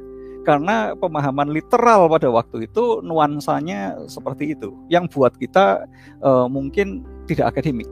Tapi kita bisa tarik prinsipnya kan gitu ya Uh, jadi tidak terlalu melakukan historical reconstruction seperti historical criticism-nya orang-orang modern. Tidak, tidak seperti itu. Itu terus ada pertanyaan yang lain itu tadi apa itu Bang Lindio ya? Saya lupa itu. Ini Origen. Itu aja, Origen, oke. Okay. Sama kok. Origen. Ah, sebenarnya bukan hanya Origen ya, jadi uh, bukan Agustinus yang memulai tafsiran spiritual jelasnya. Sebelum-sebelumnya juga sudah ada dan Paulus kalau kita lihat ya tafsirannya seperti itu. Waktu menafsirkan uh, batu karang yang mengikuti orang Israel itu kan diambil dari kitab-kitab yang non canonical non buat kita orang-orang Protestan kan gitu. Tetapi ada ada batu karang yang selalu mengikuti orang Israel dan batu karang itu adalah Kristus. Nah, itu apa itu gitu. Jadi ya, Paulus sudah menafsirkan uh, batu karang itu secara uh, figuratif ya. Dan lebih heran lagi kalau kita baca Galatia itu waktu Paulus marah-marah dengan uh, tentang Petrus dan tentang Yakobus yang Petrus itu semula mau makan bersama-sama orang orang Kristen yang bukan Yahudi tetapi setelah kedatangan Yakobus dia tidak mau makan bersama orang-orang Kristen bukan Yahudi itu. Dan pada waktu marah-marah dan sebagainya kemudian uh, Agustinus itu juga menjelaskan tentang dua perjanjian ya perjanjian lama dan perjanjian baru. Kemudian dia mengutip tentang Hagar dan Sarah dan dia mengatakan Hagar dan Sarah adalah suatu kiasan gitu. Nah, yang pernah sekolah teologi pernah tahu lah ya, waktu kita di sekolah teologi dulu, kalau kita ada kelas hermeneutika atau studi perjanjian lama gitu atau eksegesis PL gitu. Kita menafsir seperti Paulus bahwa Hagar dan Sarah itu kiasan, kira-kira kita bisa lulus apa enggak? Jawabannya enggak gitu. Jadi kalau Paulus masuk ke seminari kita mungkin enggak lulus tuh. Karena cara bacanya seperti itu gitu. Jadi eh, bukan dari origin, dari rabi-rabi Yahudi sudah begitu, dari Paulus sudah begitu, dari Origen juga begitu, dari Agustinus masih begitu, ya, masih begitu. Thank you. Bung Arvin atau Bung Yosia silahkan.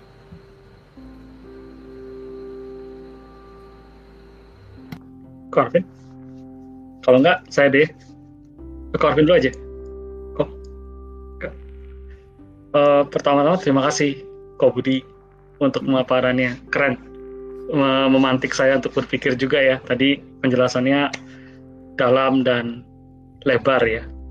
Nah uh, yang saya tertarik itu tadi waktu tadi kan rasa-rasanya kalau saya nggak salah tangkap Agustinus kan berarti ada ini ya dari dari makna yang literal itu. Lalu kan dari situ dia bisa ada semacam refleksi ya gitu ya yang bisa dihidupi begitu kan. Kira-kira gitu yang saya tangkap sih tadi. Nah, saya saya jadi tertarik melihat struktur ini, struktur menafsir gitu ya, menafsir dari yang literal sampai bisa dihidupi ini. Nah, lalu saya jadi teringat dengan ini ya, kayak konflik penafsiran ya, gitu. Nah, nah, jadi kira-kira yang saya ingat tadi kasusnya begini. Tahun 1989 saya baca satu artikel yang dikeluarin sama Robert Allen ya jadi dia bikin satu artikel yang yang judulnya rasanya uh, Kanaan Cowboy and Exodus rasanya. Saya lupa pastinya, tapi intinya Ellen ini mengomentari ini kok. Jadi dia memaknai ulang kisah keluaran itu dari sudut pandang orang native Amerika gitu. Jadi dia dia dia dia dosen di Amerika Serikat gitu. Nah, yang menariknya dia bilang bagi Ellen begitu, Allah yang dikisahkan di kisah di kisah Exodus itu atau kisah keluaran itu sebenarnya Allah yang menjajah gitu. Nah, kenapa kenapa dia bisa mikir kayak gitu? Karena presidennya sebenarnya dia tarik 500 tahun lalu di mana orang Eropa itu datang ke Amerika waktu itu. Nah, tentu ini bagi saya menarik narasinya karena bagi orang Eropa kulit putih pada waktu itu bagi mereka itu kan Amerika itu semacam tanah perjanjian ya tanah hmm. baru, tanah pengharapan begitu.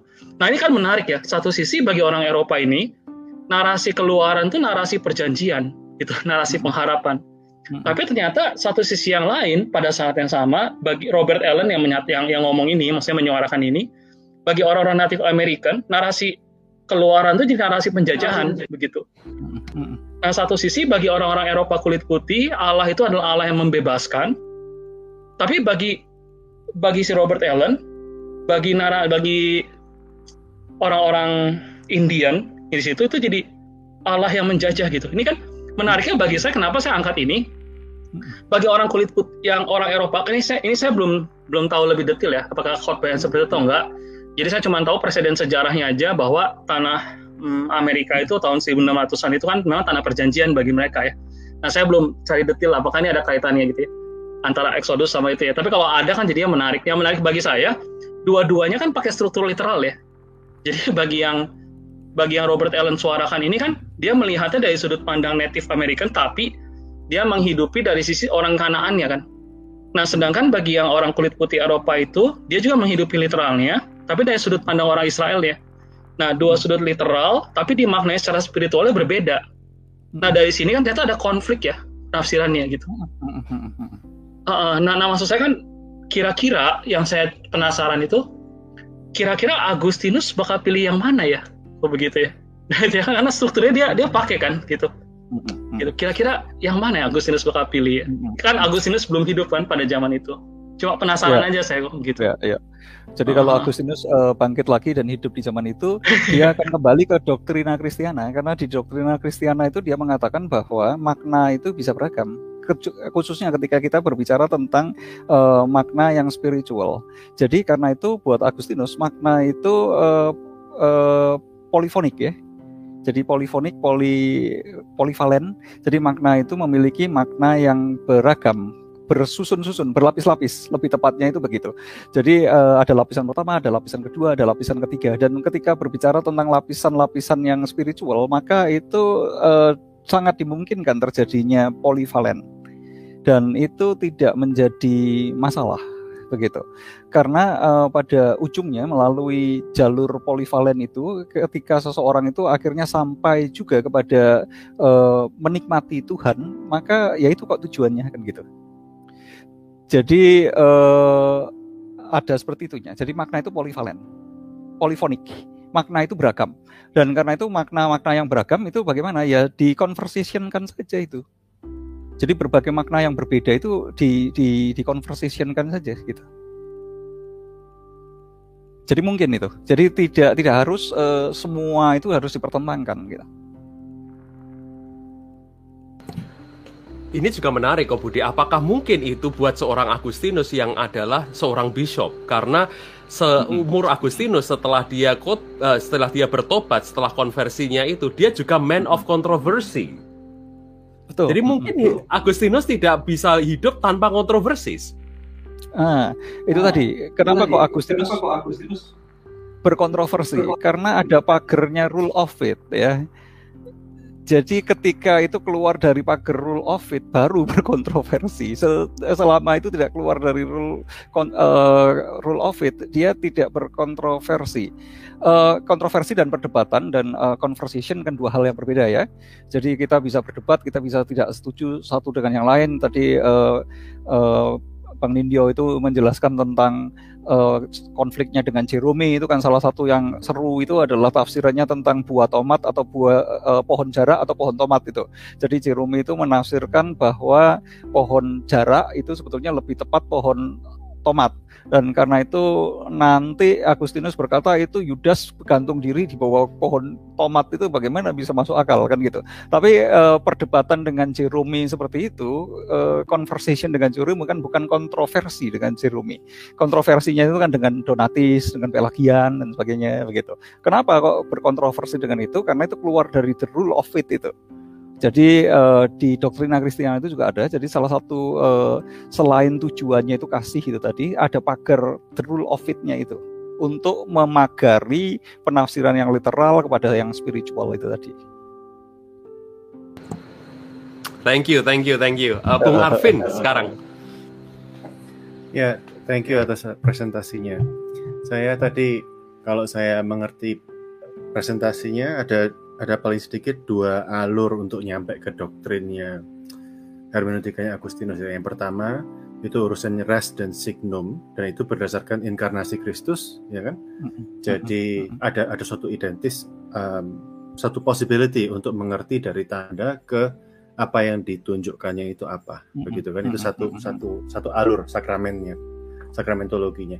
Alur satu lagi hermeneutika kasihnya itu boleh dibilang mungkin ya dari kita sebagai imago Dei yaitu imago trinitatis dan trinity itu menurut Agustinus juga adalah kasih. Ya, love the beloved and the mutual bond of love. Dari situ juga karena kita adalah gambaran rupa Allah, maka kita bisa mengerti ciri-ciri ini, vestigia Dei ini. Gitu kan. Jadi ini dua dua patokannya. Nah, tapi pertanyaan saya sekarang karena tadi seperti dibilang Neoplatonis itu menggabungkan segala sesuatu. Agustinus kan juga memiliki peranan dosa yang besar. Imago Dei-nya itu kan ter terkorupsi dengan dosa. Bagaimana bisa bisa memakai hermeneutika of love dengan tepat karena kasih kita tidak sama dengan kasih Tritunggal. Ya, Bagaimana kita bisa memakai res dan signum? Tanda-tanda yang kita lihat itu terbatas dengan rasio kita yang juga sudah corrupted. Begitu kan? Ini problemnya dengan dia punya Neoplatonis. Distinction antara creator dan creature-nya itu, ex nihilo-nya itu agak agak tipis. Ya kan? Sama Aquinas mungkin sama yang Hiller sama si Hugh Saint Victor itu dibenarkan dengan Aristotelian metaphysics. Dipisah. Ya participation of being. Terus dipisahkan. Itu kan metafisikanya Aristotelian tadi yang Middle Ages itu kan. Sama Barth ditolak sama sekali. Ini adalah analogia entis analogy of being. Harus ke analogi fidei. Nah pertanyaan saya bagaimana Agustinus itu memegang dosa doktrin dosa yang sangat besar tapi juga memegang doktrin sakramen uh, resignum dan juga doktrin analogia uh, analogi entisnya dengan dengan erat. Bagaimana dia membalance kedua hal ini? Terima kasih. Uh, pertanyaan yang baik sekali itu ya. Jadi saya belum sempat kepikir tentang itu. Uh, jadi uh, berbicara tentang dosa itu kan ya. Jadi tentang dosa, uh, tentang yang terdistorsi ini, bagaimana yang terdistorsi ini bisa uh, bisa mengalami kasih mengalami komunian dengan Tuhan dan sebagainya. Kalau kalau itu jawabannya adalah uh, anugerah ya. Kalau itu jawabannya adalah anugerah. Jadi uh, karena anugerah Tuhan itulah maka uh, dimungkinkan. Dan yang namanya conversion, conversation, confession itu kan bukan satu titik selesai. Tetapi itu merupakan satu proses perjalanan yang terus-menerus. Dan kalau kita lihat di uh, confessionnya Agustinus itu kan dia suka menyebut dan uh, menyebut pergumulannya dengan yang namanya birahi concupiscence ya. Jadi uh, buat Agustinus itu kan merupakan satu uh, uh, apa itu lawan kata dari caritas ya. Jadi conscupiscence yang bertobat itu namanya caritas itu sendiri. Yang disebut dengan conscupiscence itu kan lebih ke disposisi jiwa yang sebenarnya itu sudah rusak itu. Jadi waktu Agustinus berbicara tentang confession itu kan ada beberapa pertobatan yang dia uh, sebutkan di situ ya. Jadi pertobatan dari nafsu termasuk di dalamnya itu seksual, kemudian uh, pertobatan dari keserakahan akan pengetahuan. Jadi uh, karena keserakahannya akan pengetahuan itu dia menjadi liar, kemudian keserakahan akan uh, disposisi jiwa yang diracuni oleh ambisi yang besar yang ingin menjadi uh, yang terkebuka oleh pride dan sebagainya. Dan kita bisa lihat bahwa uh, waktu dia menuliskan confession itu kan dia mengkonfes dua hal setidaknya.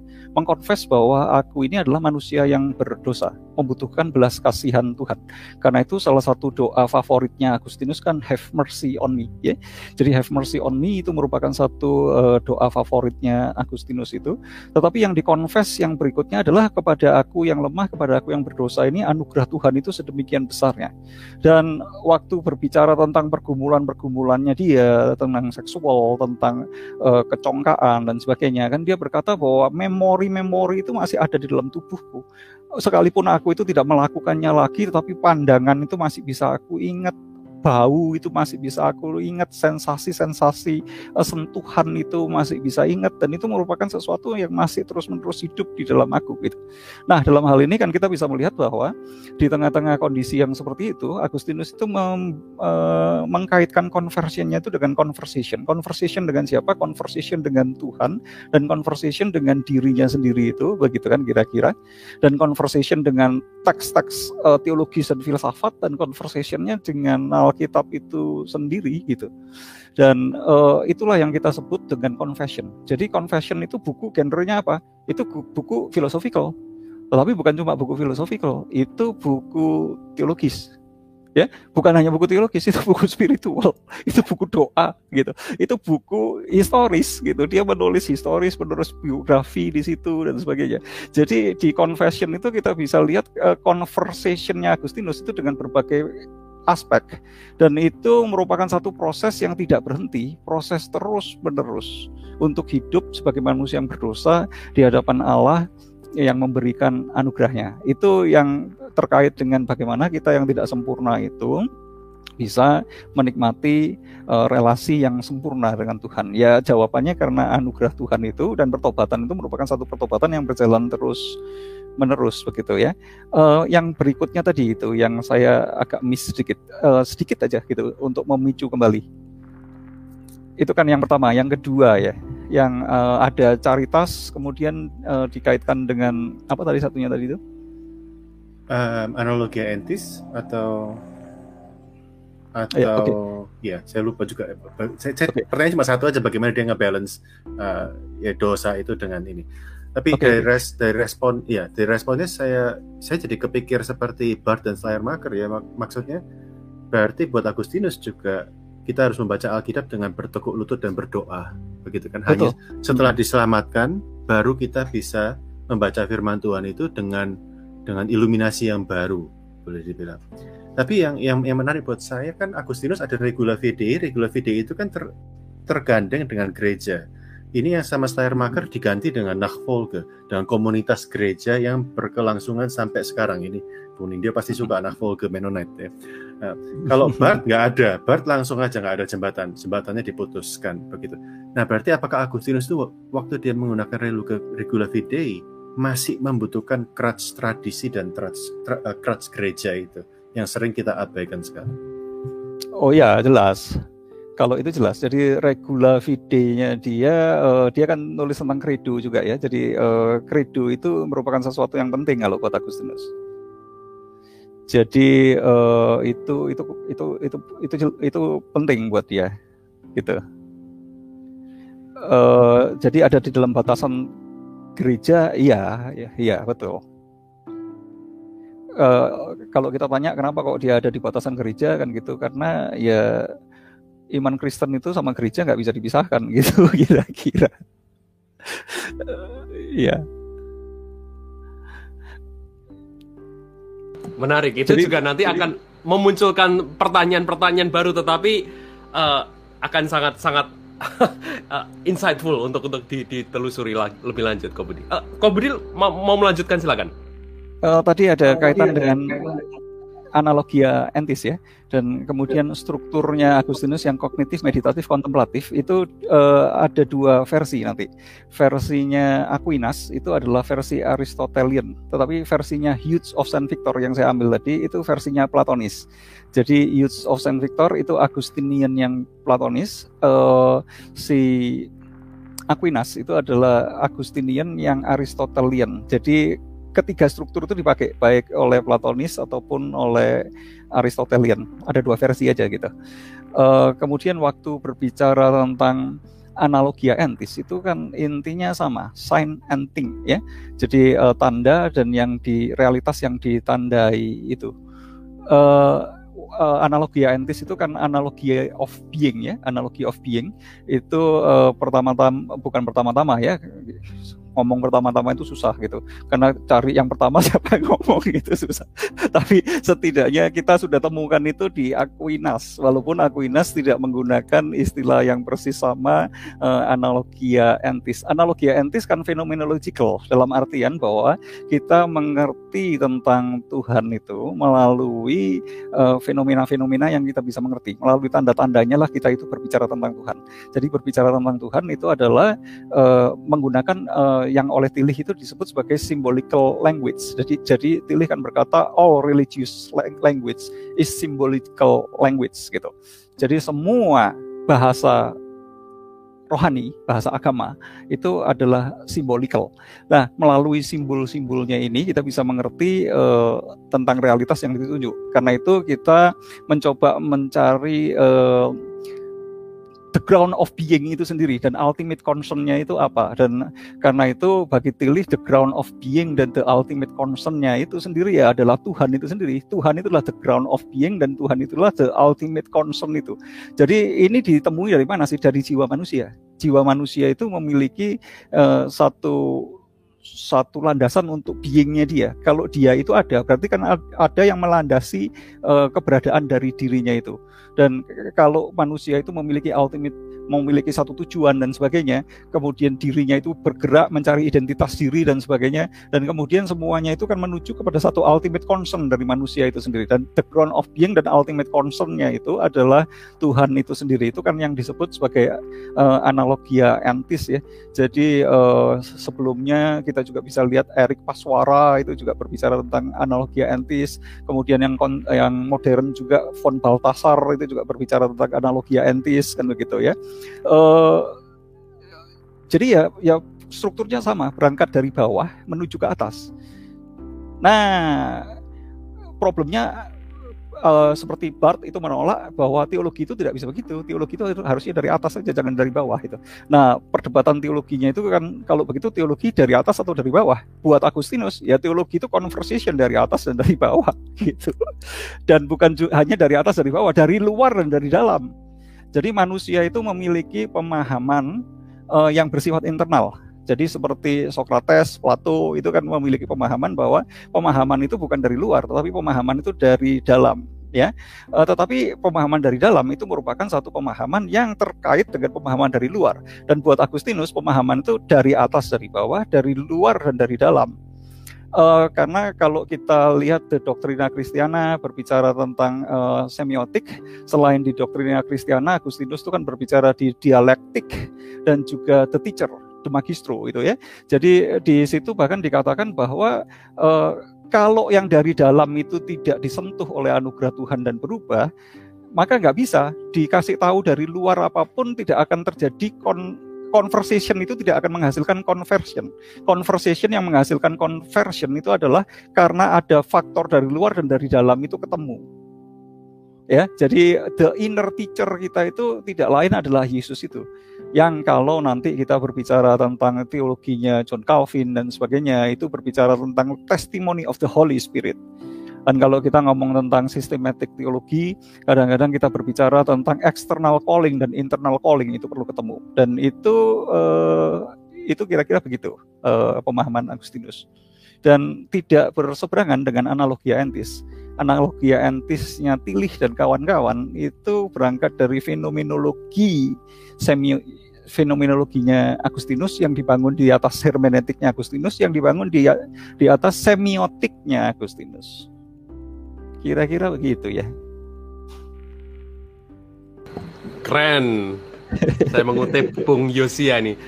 Uh, Pak Budi terima kasih. Ini luar biasa percakapan kita ya. Kaya, rich, uh, di dalam dan lebar kata Bung Yosia juga. Jadi terima kasih. Sebenarnya ada banyak pertanyaan yang muncul di uh, chat. Cuman kalau kita tampilkan ini Pak Budi, uh, ini waktunya juga akan lebih panjang. Tapi itu berarti Pak Budi, ini bukan kali yang terakhir Pak Budi ke teologi ya.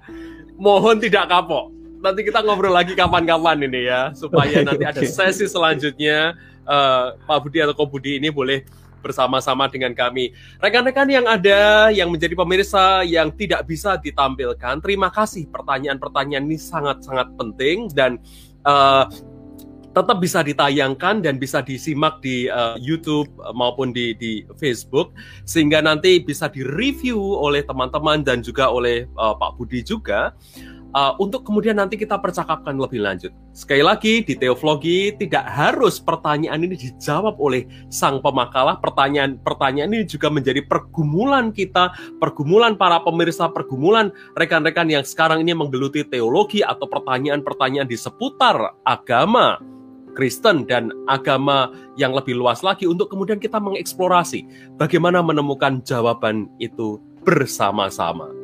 Oke, dan dengan demikian percakapan kita tampaknya sudah tepat jika kita uh, uh, sudahi sampai di sini. Pak Yuso menyaksikan juga ini tampaknya sampai akhir. Beliau terima kasih Pak Yuso uh, sudah bersama dengan kita dan ini beliau membuka sebuah uh, rahasia ini. Terima kasih Pak Yohanes Budi Aka Yoyo uh, tentang hermeneutika Agustinus. Nah, ini justru ada sebuah trivia yang menarik kalau begitu ini uh, Ko Budi. Yang pertama, uh, tadi saya katakan bahwa para admin yang lain itu dimulai dengan A, entahkah uh, karena ini topiknya mengenai Agustinus, tapi Anda dengan saya itu nama kecil atau nama panggilan kita itu sama. Ya. Begitu. Sama-sama Yoyo. Iya kan? saya Yoyo. Oke okay, kan? Nah, tapi paling tidak ada kemiripan gitu. Uh, ini ini ini sebuah sandi yang menarik juga. Ini sebuah signum yang menarik juga ini uh, Jadi di kalau, teologi kali ini. Kalau mau Nanti, disingkat jadi apa? Pertemuan Ayo ya, Ayo. Betul. uh, klimaksnya di Adrianus Yosia itu, Aye. Aye. Benar juga. Puji Tuhan. ayo, ayo. Uh, ayo begitu ya. Jadi sebuah undangan untuk kita berkumpul lagi. Nah, jadi teman-teman semua, uh, kita tampaknya harus mencukupkan percakapan kita sampai di sini. Tetapi sama juga seperti undangan Bung Yosia, ayo kita kumpul lagi, kita diskusi lagi, kita dalami lagi topik mengenai Agustinus. Uh, semoga uh, Kobudi berkenan lagi untuk bersama-sama dengan kita melanjutkan apa yang belum tadi selesai diselesaikan. Dan juga ada ahli Agustinus yang lain di sini, ada Ses Amadea dan juga ada Bung Angga yang tentu juga bisa mengeksplorasi dari sisi-sisi yang lain dari seorang tokoh yang besar yaitu Agustinus. Terima kasih semua uh, untuk sudah hadir dan sudah berdiskusi teman-teman semua. Uh, kita cukupkan sampai di sini. Selamat malam di Indonesia dan jangan lupa jaga kesehatan dan tetap physical distancing dijaga karena waktu-waktu ini adalah waktu-waktu yang jahat. Oh bukan, waktu-waktu yang juga membahayakan ya. Uh, rekan-rekan semua, kita cukupkan sampai sini. Sampai jumpa. Selamat malam. Bye-bye.